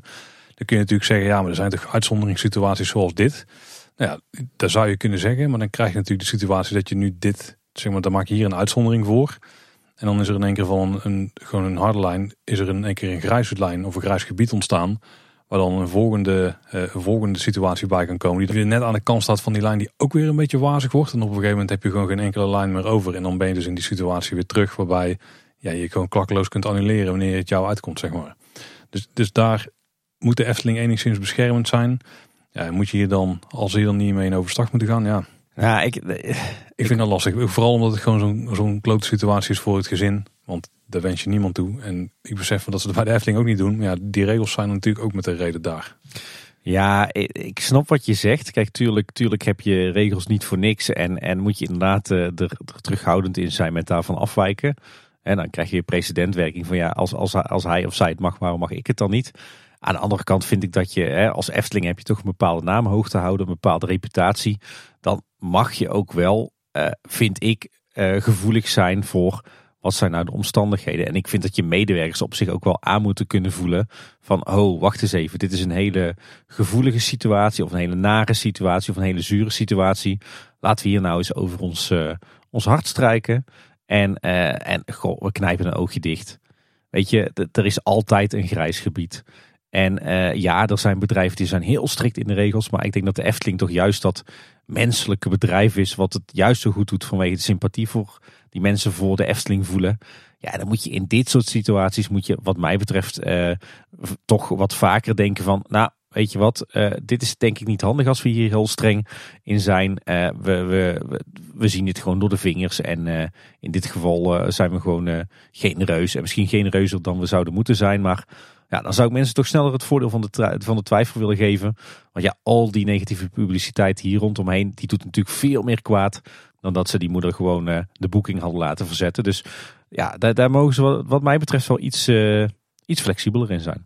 Ja, maar je ziet het nu toch wel gebeuren rondom die faciliteitenkaart bijvoorbeeld. En daar begint zich nu ook wat negatieve publiciteit rondom te vormen. Omdat er juist misbruik van wordt gemaakt dat het vrij laks is, die regels daar over hoe je zo'n ding krijgt en hoe dat wordt toegepast in het park. Ja, dat is een ander verhaal. Hè. Het probleem daar is dat de Efteling vanwege eh, privacy en AVG niet mag vragen om een bewijsmiddel of je daadwerkelijk een vorm van handicap hebt. Ja, ze zeggen wel dat ze dus in het park doen. En kijk, in principe is het hier hetzelfde. Ze gaan ook niet vragen om een bewijs dat er uh, daadwerkelijk dat er iets met het kind aan hand is bijvoorbeeld. Om dezelfde redenen. Ja, daarom zijn die regels er ook rondom het boeken. Ja, maar ja, regels zijn er om van af te wijken, toch? Ja, maar als iedereen, als jij dan een weekendje boekt en het komt even niet uit, want uh, weet ik veel, je moet naar een of ander concert toe in één keer in plaats van een weekend weg. En je zegt, ja, mijn kind is ziek, dus ik kan niet komen daar gaat het dan wel gebeuren op een gegeven moment. Hè? Als duidelijk is dat dat een manier is om er zonder enige controle onderuit te kunnen komen. En dan zit je dus weer aan die, die verkeerde kant van die, eh, die lijn. En dus, dit is een hele moeilijke situatie, dat snap ik ook wel. En je gaat ervan uit dat iedereen goud eerlijk is, maar helaas werkt dat niet zo in de wereld. Nee, maar ik vind dat je in uitzonderlijke situaties wel een oogje dicht moet kunnen, kunnen knijpen. Ja, maar dan is dus de vraag, is het echt een uitzonderlijke situatie of is het gewoon een mooi verhaal? In dit geval is het vrij duidelijk, hè? maar... Ja, maar ja, dan, dan, gaat, dan gaat het toch om, om vertrouwen in je klanten. En dan zou ik denken, geef mensen dan het voordeel van de twijfel. Nou, dat is een groot succes bij de faciliteitenkaart. Nou ja, maar daar heb je... Ja, ja dezelfde situatie, Tim. Dus de, dezelfde vergelijkbare situatie ga je dan creëren. Dat is waar. Maar ik denk toch dat je beter tien keer ten onrechte uh, een boeking kunt, uh, gratis uh, kunt annuleren of kunt laten verplaatsen. Dan dat je het één keer dit gezeik hebt. Dat doet veel meer kwaad dan, dan tien keer ten onrechte kosteloos een boeking verzetten. Ja, maar je weet wat er dan gaat gebeuren. Die tien keer wordt honderd keer en die honderd keer wordt duizend keer op jaar. En dan zit je wel met de gebakken peren. Ja, maar je moet het wel een beetje aan kunnen voelen toch. Ja, ja, maar dan krijg je dus weer van waarom word ik benaderd en mag het bij die anderen wel. En toen Henk je die smoes gebruikte, kon het wel. Buiten al de situaties waarbij het gewoon wel terecht zou zijn, maar dat wordt gewoon... Het is gewoon een lastig verhaal. Hè. Er zitten, laten we het daar weer op houden. Er zijn gewoon geen winnaars in deze situatie. Nee, dat, uh, dat zeker niet. Behalve Loopings, want die hebben er weer een artikel uit weten slepen. Precies. En wij hebben weer een aantal minuutjes podcast, hè. Daar ook niks met weer een diepgaande discussie. Uh, wat anders Tim, er is een, vacature voor een afstudeerstage bij Data and Insights. En die gaat over duurzaamheid. Best wel een toffe opdracht. is misschien wel iets voor uh, een van onze luisteraars. Er wordt namelijk op dit moment hard gewerkt om de grootste verbruikers te verminderen binnen de Efteling. Er zijn ook een heleboel kleine verbruikers, dus energieverbruikers hebben we het dan over. Waarbij het niet echt inzichtelijk is hoeveel die verbruiken. En hoe dit dan verbeterd zou kunnen worden, dan willen ze veranderingen brengen. Want ja, hoe doe je dat dan? Hè? Hoe ga je inzichtelijk maken welke kleine verbruikers er zijn en uh, wat je daar eventueel aan kunt verbeteren zodat het verbruik in het algemeen minder gaat worden. En dan mag je dus ook mee gaan experimenteren. Dus misschien een bepaalde plekken uh, de verwarming een graad lager zetten. Of misschien bepaalde uh, apparaten later pas inschakelen. En ehm, nou ja, gaat dan tooling ontwikkelen waarmee de teams kunnen zien wat het effect is van die experimenten. En uh, dan moet je bijvoorbeeld ook rekening maken met de weersomstandigheden. Dit is uh, als je in de wereldje zit best wel een tof opdracht denk ik. Ja, absoluut. Heel, uh, heel erg uitdagend. En volgens mij heb je hier ook best wel wat, wat vrijheid om van alles te ontwikkelen. Ja, tof dat de Efteling zo serieus aan de slag is met het beperken van het energieverbruik. Hè? En nu dus niet alleen de grote jongens.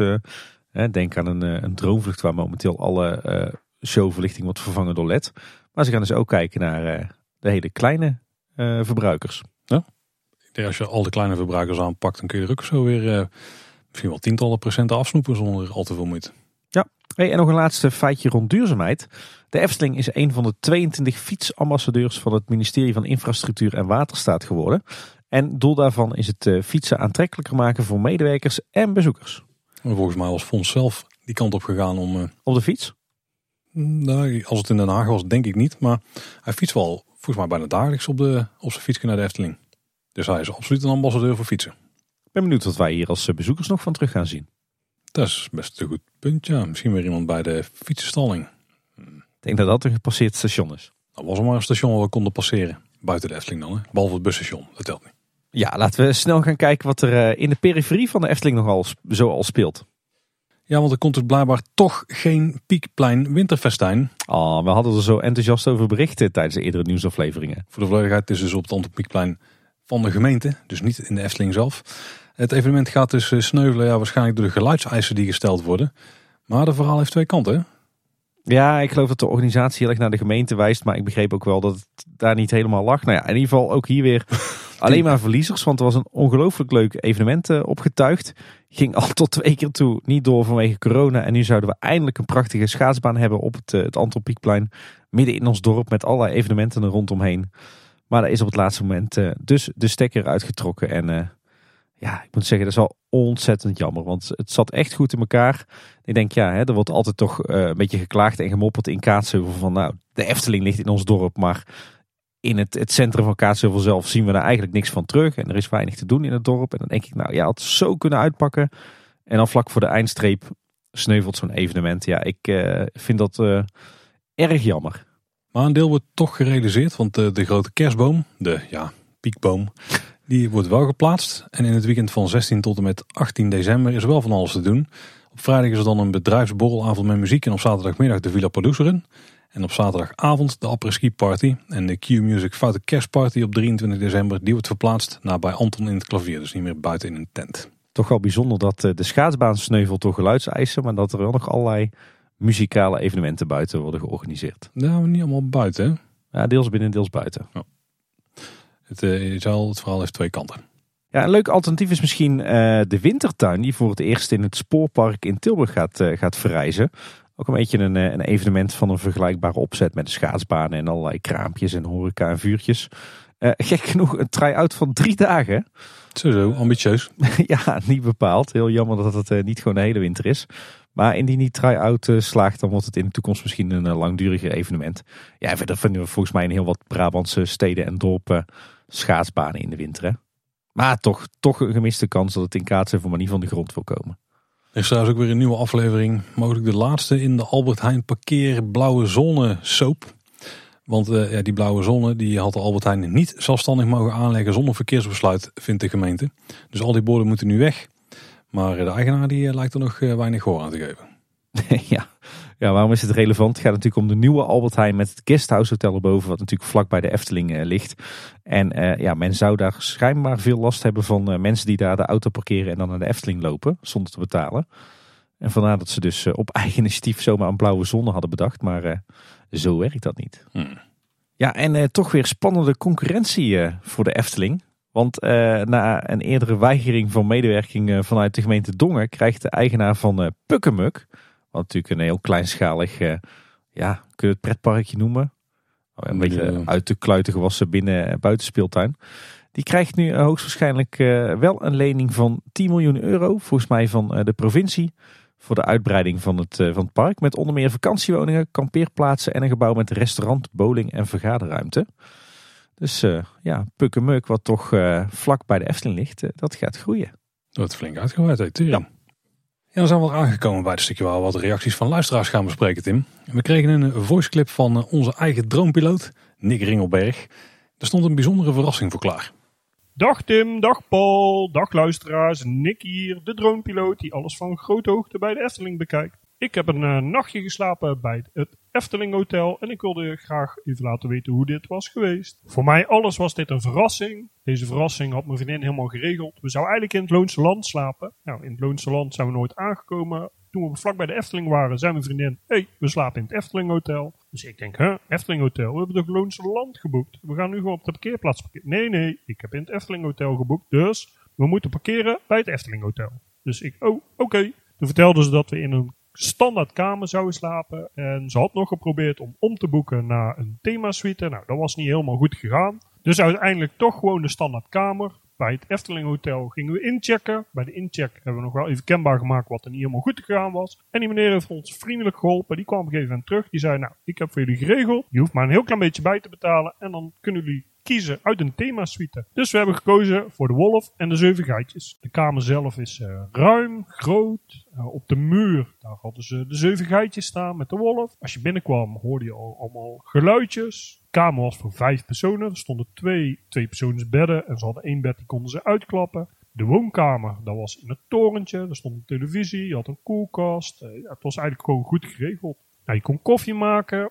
De badkamer was gewoon heel ruim. Eh, je had een apart bad, je had een aparte douche. Je kon ook naar buiten kijken. Ja, er was niet zo heel veel te zien. De kant van de weg, daar zat allemaal melkglas. Ze hadden wel twee stukjes glas uit de toren. Daar kon je dan naar het park kijken. Op kindhoogte en op volwassenenhoogte. S'avonds zijn we nog even naar beneden gelopen. Want ja, daar zou nog misschien iets van entertainment zijn. Uiteindelijk op de speelkamer beland. Nou, dat vonden mijn kinderen geweldig, want er stond een heel mooi, leuk computerspelletje. Daar is ook Pardoes nog even langs geweest. Daar zijn we nog op de foto gegaan. Ja, die had je dan helemaal voor jezelf. Dat was dan heel bijzonder. En toen gingen we terug naar de kamer, waar de kinderen heel snel sliepen na zo'n lange dag. Voordeel van deze kamers is dat je de kamer via een gordijn mooi dicht kan doen. Dus de torenkamer is dan echt gewoon een huiskamer waar je gewoon zelf s'avonds nog het een en ander kan doen. Zonder dat de kinderen last hebben van de televisie of iets dergelijks. Dus ja, dat was eigenlijk heel goed bevallen dat dat kon. Een hele leuke, bijzondere ervaring. Ja, je moet hem echt zelf beleven. Ik heb ook al tegen Tim gezegd, ga gewoon je vrouw omhalen. Dit is een ervaring die je nergens anders op kan doen. Zo'n themakamer, dicht bij het park. En helemaal als podcast maken, denk ik dat je die beleving echt wel een keer moet gaan beleven. Zodat je hem gewoon goed kan vertellen. Nou, dit was mijn verslag. Ik hoop dat jullie het leuk vonden. En uh, ja, tot vliegens.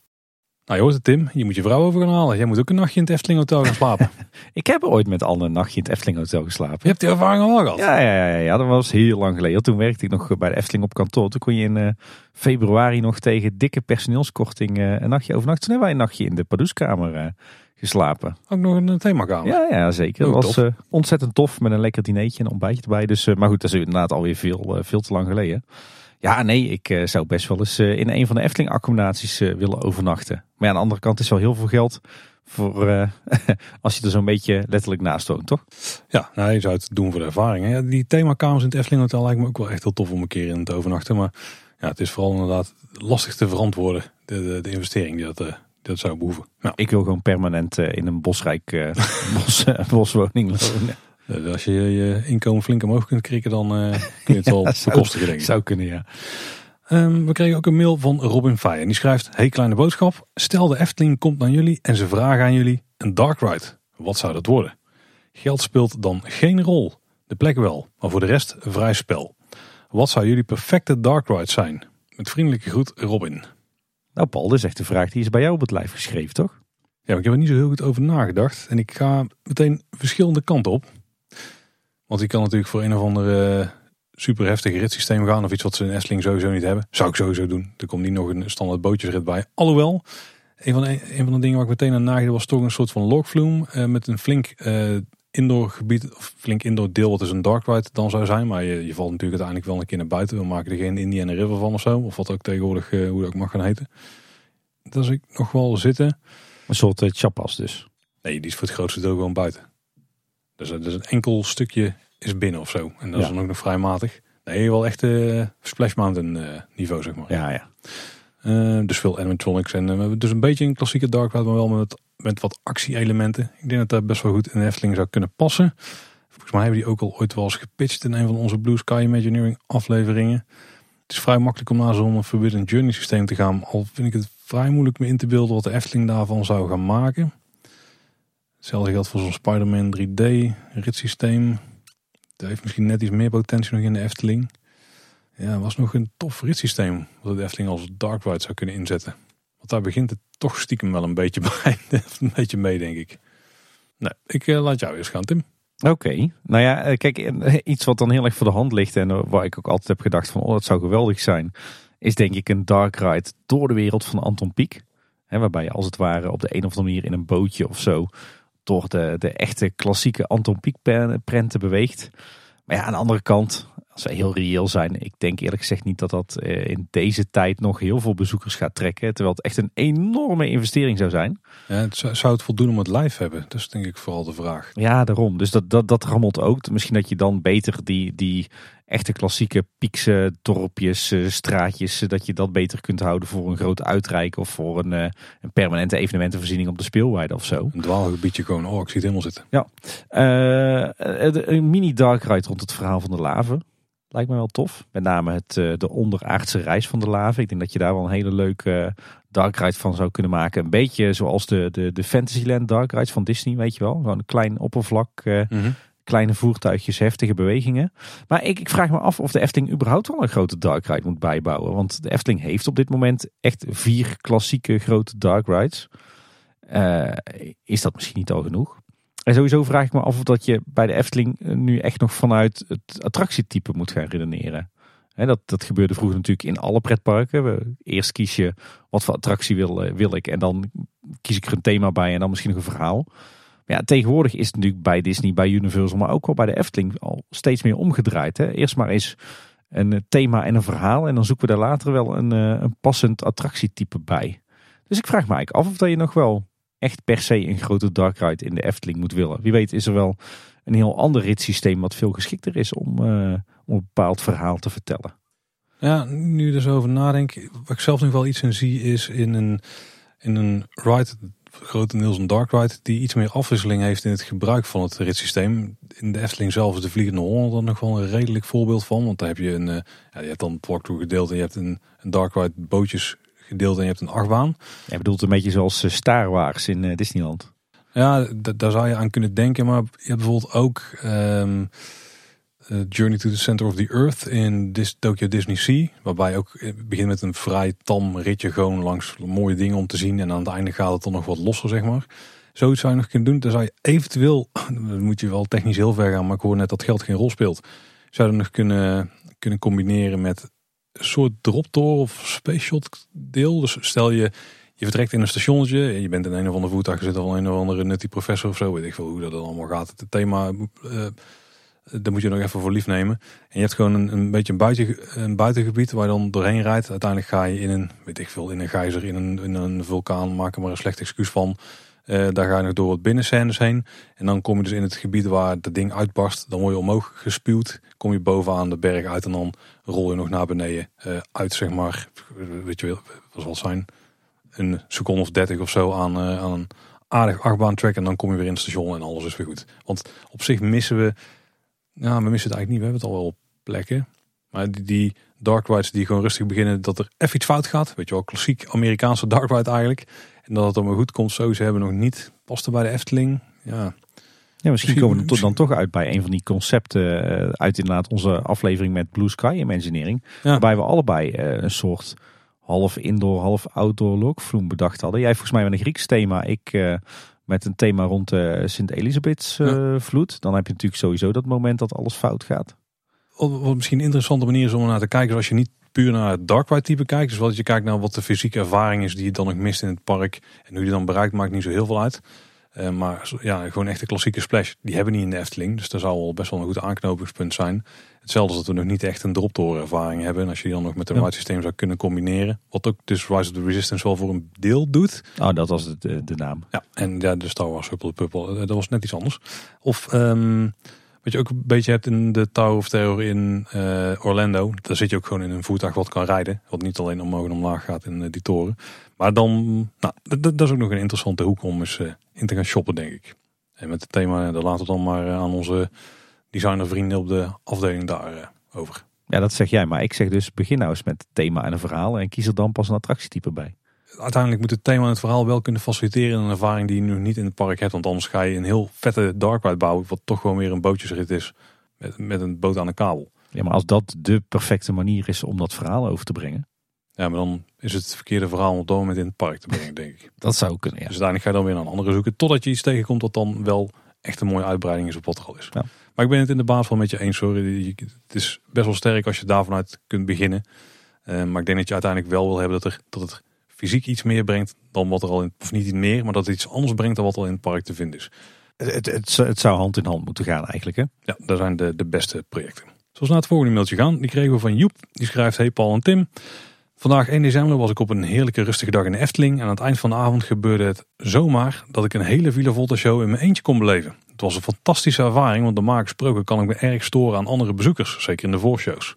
Ook lukt het me om alleen een showtje van het meisje met de zwavelstokjes te beleven. Kippenvel van top tot teen. Mijn vraag aan jullie. Storen jullie ook wel eens aan andere bezoekers? En is het niet heerlijk om af en toe met een klein groepje of alleen een, een attractie te beleven?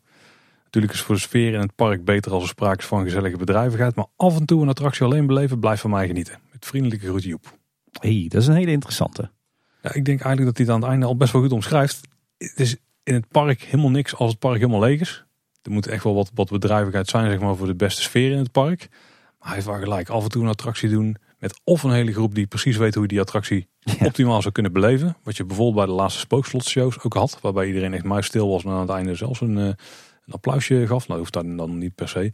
Of, of gewoon alleen dus, waarbij je die ervaring helemaal zelf kunt hebben. Wat bij Spookslot ook wel vrij creepy was. Waar je het wel regelmatig had. Voordat Ja. het bekend was dat hij ging sluiten trouwens. Ja, ik vind het wel tof. En soms heb ik wel eens dat ik denk van andere bezoekers, die zijn er. En die, bijvoorbeeld meisje met de zwavelstokjes is misschien wel het beste voorbeeld. Waarbij mensen gewoon even komen kijken. Huh, wat is dit? Oh, ik ben dus weer zo'n showtje. Ik ben weer gauw weg. Ja, dat zonde. Ja, ik moet zeggen, ik, ik had vroeger best wel een hekel aan die hele drukke dagen. Ik kon ook altijd heel erg storen aan andere bezoekers. Zeker als ze weer zo'n showtje heen kletsten. Maar tegenwoordig heb ik daar minder moeite mee. Ik, ik kan best wel genieten van het feit dat het park lekker druk is. Want ja, dan hoeft er eigenlijk ook niks. Een beetje rondwandelen, showtje kijken, wat eten en drinken. Maar tegelijkertijd, ja, ik kan er ook ontzettend van genieten als het park echt totaal uitgestorven is. Ik vind dat ook wel een eh, tof sfeertje hoor. Een helemaal uitgestorven Efteling, slecht weer, helemaal alleen rondlopen. Ja, heerlijk. Ik hou echt wel van dat hele desolate sfeertje in de Efteling. De Efteling die, die leent zich daar ook echt wel voor. Ik vind de Efteling ook prachtig mooi als je bijvoorbeeld eh, een hele grijze, regenachtige dag hebt, stormachtige dag. Park ligt er dan prachtig bij. Dus nee, ik kan echt wel genieten van, eh, van de compleet uitgestorven Efteling. En ik heb een hele lange tijd heb ik er moeite mee gehad om alleen door de Efteling te lopen. Maar ik merk dat ik de afgelopen jaren ook, ook steeds meer kan genieten van gewoon eens even helemaal alleen door het park lopen. ja, dus eh, ja. eh, voor allebei is iets te zeggen. En het verandert blijkbaar heel erg in, de, in de loop van je leven. Ik moet wel zeggen dat naarmate het donkerder wordt, dat het dan ook toffer is als er minder mensen zijn. Van de, mooiste wandelingen die ik door de Efteling heb gedaan, was gewoon door een uitgestorven sprookjesbos in het donker. En als laatste kregen we nog een eh, voice clip van Rens. Die was overigens bij het Little Weekend ook geweest. Maar hij had ook een vraag voor ons, Tim. Hoi Paul en Tim. Met Rens, 20 jaar. Mijn vraag luidt als volgt. Wat vinden jullie, of wanneer vinden jullie het waard om een abonnement te halen? Ehm, ja, dat is dus mijn vraag. Ik twijfel namelijk heel lang erover of ik een Efteling abonnement wil. Dus ik vroeg me af of jullie daar misschien een idee over hadden. Met vriendelijk groet, Rens. Dat is eigenlijk een eh, hele goede vraag, Rens. Ja, ja volgens mij is er ook een heel, in de basis een heel makkelijk antwoord op. Namelijk als je vaker dan vier keer in een jaar naar de Efteling denkt te gaan, dan zou ik een abonnement nemen. Ja, of als je vaker dan x keer naar de Efteling denkt te gaan, maar ook bijvoorbeeld een keertje naar Europa Park of naar een ander park waar je dan met je Efteling abonnement gratis naar binnen kan. Of met fikse korting. Dus dat is financieel gezien hoe je op zich vrij simpel kunt uitrekenen of dat het de moeite is voor jou. Ja, ja ik, denk ik denk dat daar met name aan ligt. En inderdaad je financiële situatie. Dus heb je er, eh, kun je het geld ervoor missen. En ook op wat voor afstand woon je van de Efteling. En hoe makkelijk kom je bij de Efteling. Hè? Want het, is natuurlijk, ligt heel erg voor de hand als je in de, regio Midden-Brabant woont om een abonnement te nemen. Stel je woont wat verder weg, kan dat lastig zijn. Bijvoorbeeld omdat je zelf, eh, zelf geen auto hebt. Of eh, het openbaar vervoer geen optie is. Of dat, dat het reizen gewoon te duur is. Dat is misschien handiger om het nog even niet te doen. Maar ja, als jij de Efteling makkelijk kunt bereizen en je hebt er het geld voor en je bent van plan om eh, zeker vier keer per jaar naar de Efteling te gaan.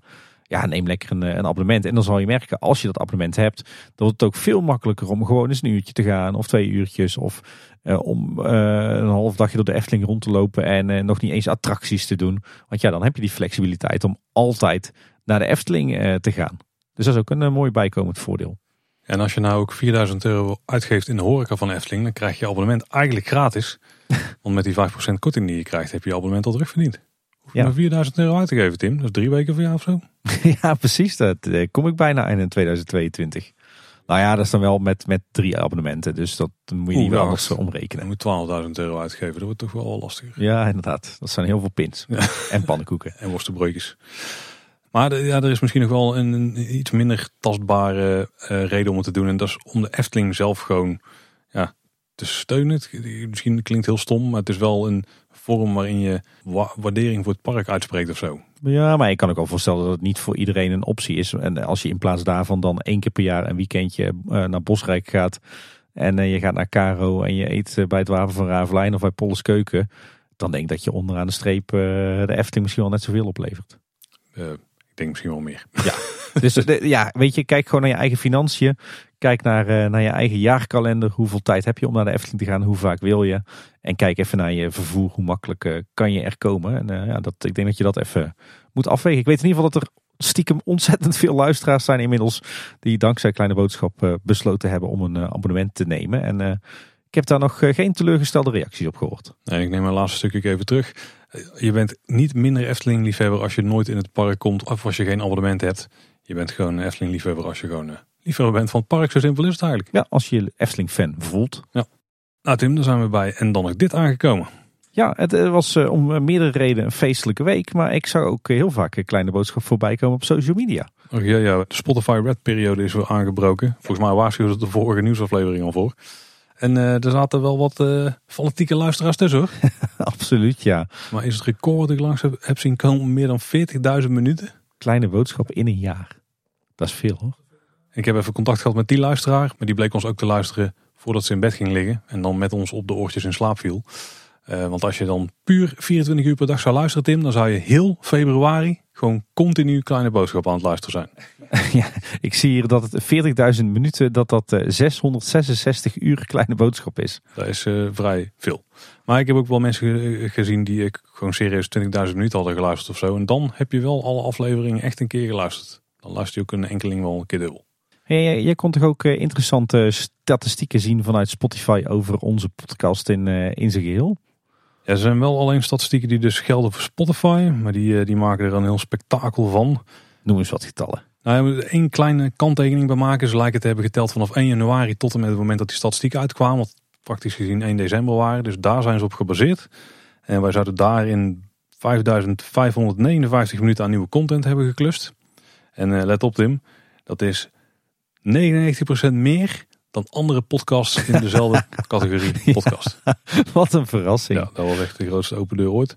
En er is in 27 landen naar ons geluisterd. 27? Jazeker. En dit is een statistiek die zag ik ongeveer bij iedereen terugkomen. Dat de podcast in de top 5% van de meest gedeelde podcasts wereldwijd stond. Maar daar gold ongeveer zo voor iedereen. En dat we in de top 5% van de meest gevolgde podcasts staan ter wereld. Whatever dat mag zijn. En de podcastpersoonlijkheid van onze luisteraar is, we hebben het net nog over gehad, de liefhebber. Spotify zegt, ja luisteraars zijn superfans. Ze weten precies wanneer een nieuwe aflevering van hun favoriete podcast uitkomt. En hun enthousiasme en steun kennen geen grenzen. Ik denk dat dat goed klopt. 78% van de luisteraars heeft ons in 2022 ontdekt. En voor 7% van de luisteraars was de eerste aflevering die over Strookrijk ook de eerste aflevering die ze luisterden. Oh, verrassend. En dit, is al, en dit zijn alleen de statistieken van Spotify. En wij zien in, de, in onze eigen statistieken dat dat niet eens het grootste platform is waarop de podcast wordt geluisterd. Dus eh, een, eh, nou, een aardig jaar voor Kleine Boodschap. Ja, inderdaad. Een eh, mooie blijk van waardering van onze luisteraars. Waarvoor dank. En anderzijds natuurlijk ook ontzettend veel waardering van ons richting jullie. Ik heb wel altijd een schurfthekel aan de toplijstjes die al in het begin van december uitkomen. Ja, het duurt nog een maand. Ja, onze Twitter timeline loopt ook altijd eh, lekker vol. Zeg Paul, eh, we zeggen feestweek, maar er schijnt ook een of ander eh, toernooi bezig te zijn. Hè? Ik ben eigenlijk wel benieuwd, volg jij het WK een beetje? Oh ja, ik volg dat wel. Ja, ja, ja, ja. Ik durf er tegen jou niet over te beginnen, want dan vind je me mainstream en zo, weet ik veel. Hè. Precies. Of misschien zelfs in dit geval wel een of andere pro-slavernij. eh, Ah, nee, nee, nee. nee. ik, nee, ik heb gewoon sowieso een bloedhekel aan, eh, aan voetbal of aan sport in algemene zin. Dus eh, Nee, ik groot eindtoernooi, daar kijk ik altijd graag naar. Al is het niet om aan te zien, de wedstrijden van het Nederlands elftal. Alhoewel, afgelopen zaterdag was echt een topwedstrijd. Of echt een knakenwedstrijd, want die moet nog gespeeld worden natuurlijk. Dus ik weet niet of ze eruit liggen. Misschien zitten we er nog in. We moeten tegen de Verenigde Staten. Kan alle kanten op. ik ben afgehaakt. Dan ga jij brei. Nee, ook dat gaat niet lukken. Tim, ben jij nog wel? En dan nog ditjes. nou ja, ik moest wel lachen. Eh, Ik weet niet of je nog kan herinneren dat, eh, dat wij eh, vorig jaar allebei, ik weet niet of het vorig jaar was, maar we zijn allebei redelijk kort na elkaar naar eh, een heel groot themapark met heel veel dieren in Wallonië geweest. Ja, met een onuitspreekbare naam heb ik begrepen van gasten in onze podcast. En we hebben ook discussie gehad over hoe spreek je het nou uit. Ja, nou de, de meeste mensen in Nederland zeggen Paradisa. En ik kwam toen heel triomfantelijk terug uit eh, dat park met, jongens, zo spreek je dat helemaal niet uit. Het is Paradisa. En toen werd ik door de ganse Nederlandse pretpark podcast wereld belachelijk gemaakt. Want het was toch echt Paradisa. Maar nou luisterde ik deze week eh, aflevering 62 van de Team Park Science podcast van eh, onze vriend Danny. En die had een interview met eh, de marketingmanager van Paradisa. En Danny stelde de vraag, hoe spreek je die naam nou eigenlijk uit? En het is dus echt Paradisa. Ik was ook zeer verwonderd. Ja. Maar ja, als het uit haar mond komt, dan moet het zo zijn. Ja. En eh, ook nog wel een leuke kijktip. Alhoewel ik volgens mij wel een beetje late to the party ben. eh, zoals het dan zo mooi heet. Uh, ik ben dol op reisprogramma's. Drie op reis, Reizen Waas. Er is ook een hele toffe Nieuw-Zeelandse variant van de Reizen Waas, zou je kunnen zeggen. Te kijken op Netflix, namelijk Dark Tourist. pas geleden ontdekt en echt een ongelooflijk tof reisprogramma. gaat nog net even wat verder dan, dan Tom Waas. En die kerel zelf is echt een ongelofelijke droogkloot. Dus ik heb met ontzettend veel plezier zitten kijken. Jij zette deze een draaiboek denk oh vet, een nieuw seizoen. Maar dat was dan niet. Ik was gewoon late to the party. Die kerel lijkt trouwens heel erg op uh, Louis Theroux. ja, Echt precies. gruwelijk. Er zou zo zijn broer kunnen zijn. Als je dit trouwens tof vindt, en het gaat toch weer over sport in. Maar Home Game is ook een toffe documentaire serie op Netflix. Die ook wel raakvlak heeft met dingen die ze in de grote podcastlas bespreken. Maar er zit een sportelement in. Nou, dan gaat het gewoon over bizarre sporten uit verschillende landen in de wereld. Oh, maar dat vind ik wel heel cool. Dus ook uh, die, die geiten... Oh, maar dat is, dat is cool. Sport, zeg maar, in uh, Tajikistan of weet ik veel waar. Ja, ja, Nou, daar, daar gaan ze dan allemaal heen. Dus daarom ken ik een aantal van die sporten al. Ah, kijk. Mooi. Iets voor jullie, denk ik.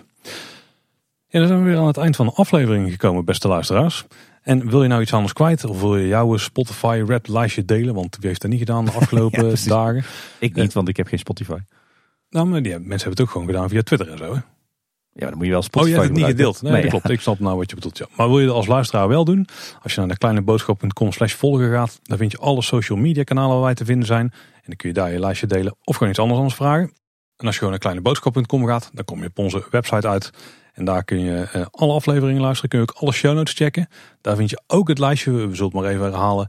Uh, waar je alle afleveringen nog eens een keer kunt kijken. Vanaf aflevering 1 tot en met 306 inmiddels. En je vindt er ook ons contactformuliertje waar je een simpele vraag kunt stellen. Maar wil je nou een voiceclip insturen, net als Nick en Rens, dan kan dat via info.kleineboodschap.com. Nou, Paul, je hebt bijna al het gras van mijn voeten weggewaaid, eh, deze outro. Maar eh, Kleine Boodschap luister je eh, naast onze website ook via eh, je favoriete podcast app. Zorg er dan voor dat je je abonneert op ons. Uh, of via Spotify natuurlijk. En we vinden het ook altijd hartstikke leuk als je een rating of een review achterlaat. Bijvoorbeeld op Spotify of Apple Podcasts. En hebben we nog een nieuwe, Paul? Nou, twee zelfs, Tim. Zo.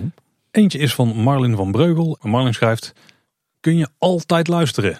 Nou, dat bleek wel die ene luisteraar, die luisterde gewoon 41.000 minuten per jaar. Wat je ook aan het doen bent, je kunt altijd naar Kleine Boodschap luisteren. Of je nou aan het tuinieren bent, fietsen, koken of werken, doe gewoon oortjes in of een koptelefoon op en ga heerlijk naar de fijne stemmen van de heren luisteren. Heb laatst nog een abonnement gekregen van mijn ouders en ben Tim een aantal keer tegengekomen in de afgelopen bezoeken. Kijk Tim. Ja. Kleine Boodschap is net zo geweldig als de Efteling zelf. Nou, dat is misschien wel het beste compliment wat we ooit hebben gehad. Dus uh, Marlon die uh, heeft jou al gespot, Tim. Blijkbaar. En ook Jules die heeft een review geschreven. Die schrijft geweldig. Dit is de beste podcast die er bestaat. Zelfs als enorm Efteling-fan is het geweldig om dit te horen. Ga zo door, Jules. Dankjewel, Jules. Ja, dank jullie wel voor die mooie klinkende woorden. Ja, en naast uh, al die uh, digitale en online uh, gebeurtenissen vinden we het ook gewoon heel leuk als je nog vrienden of bekenden hebt die van de Efteling houden en die nog niet van Kleine Boodschap hebben gehoord. Wij zijn ook eens op onze podcast en wie weet gaan ze ook wel luisteren. Zeker. Dat was in ieder geval weer voor deze week. Bedankt voor het luisteren. Tot de volgende keer en houdoe. Houdoe waar.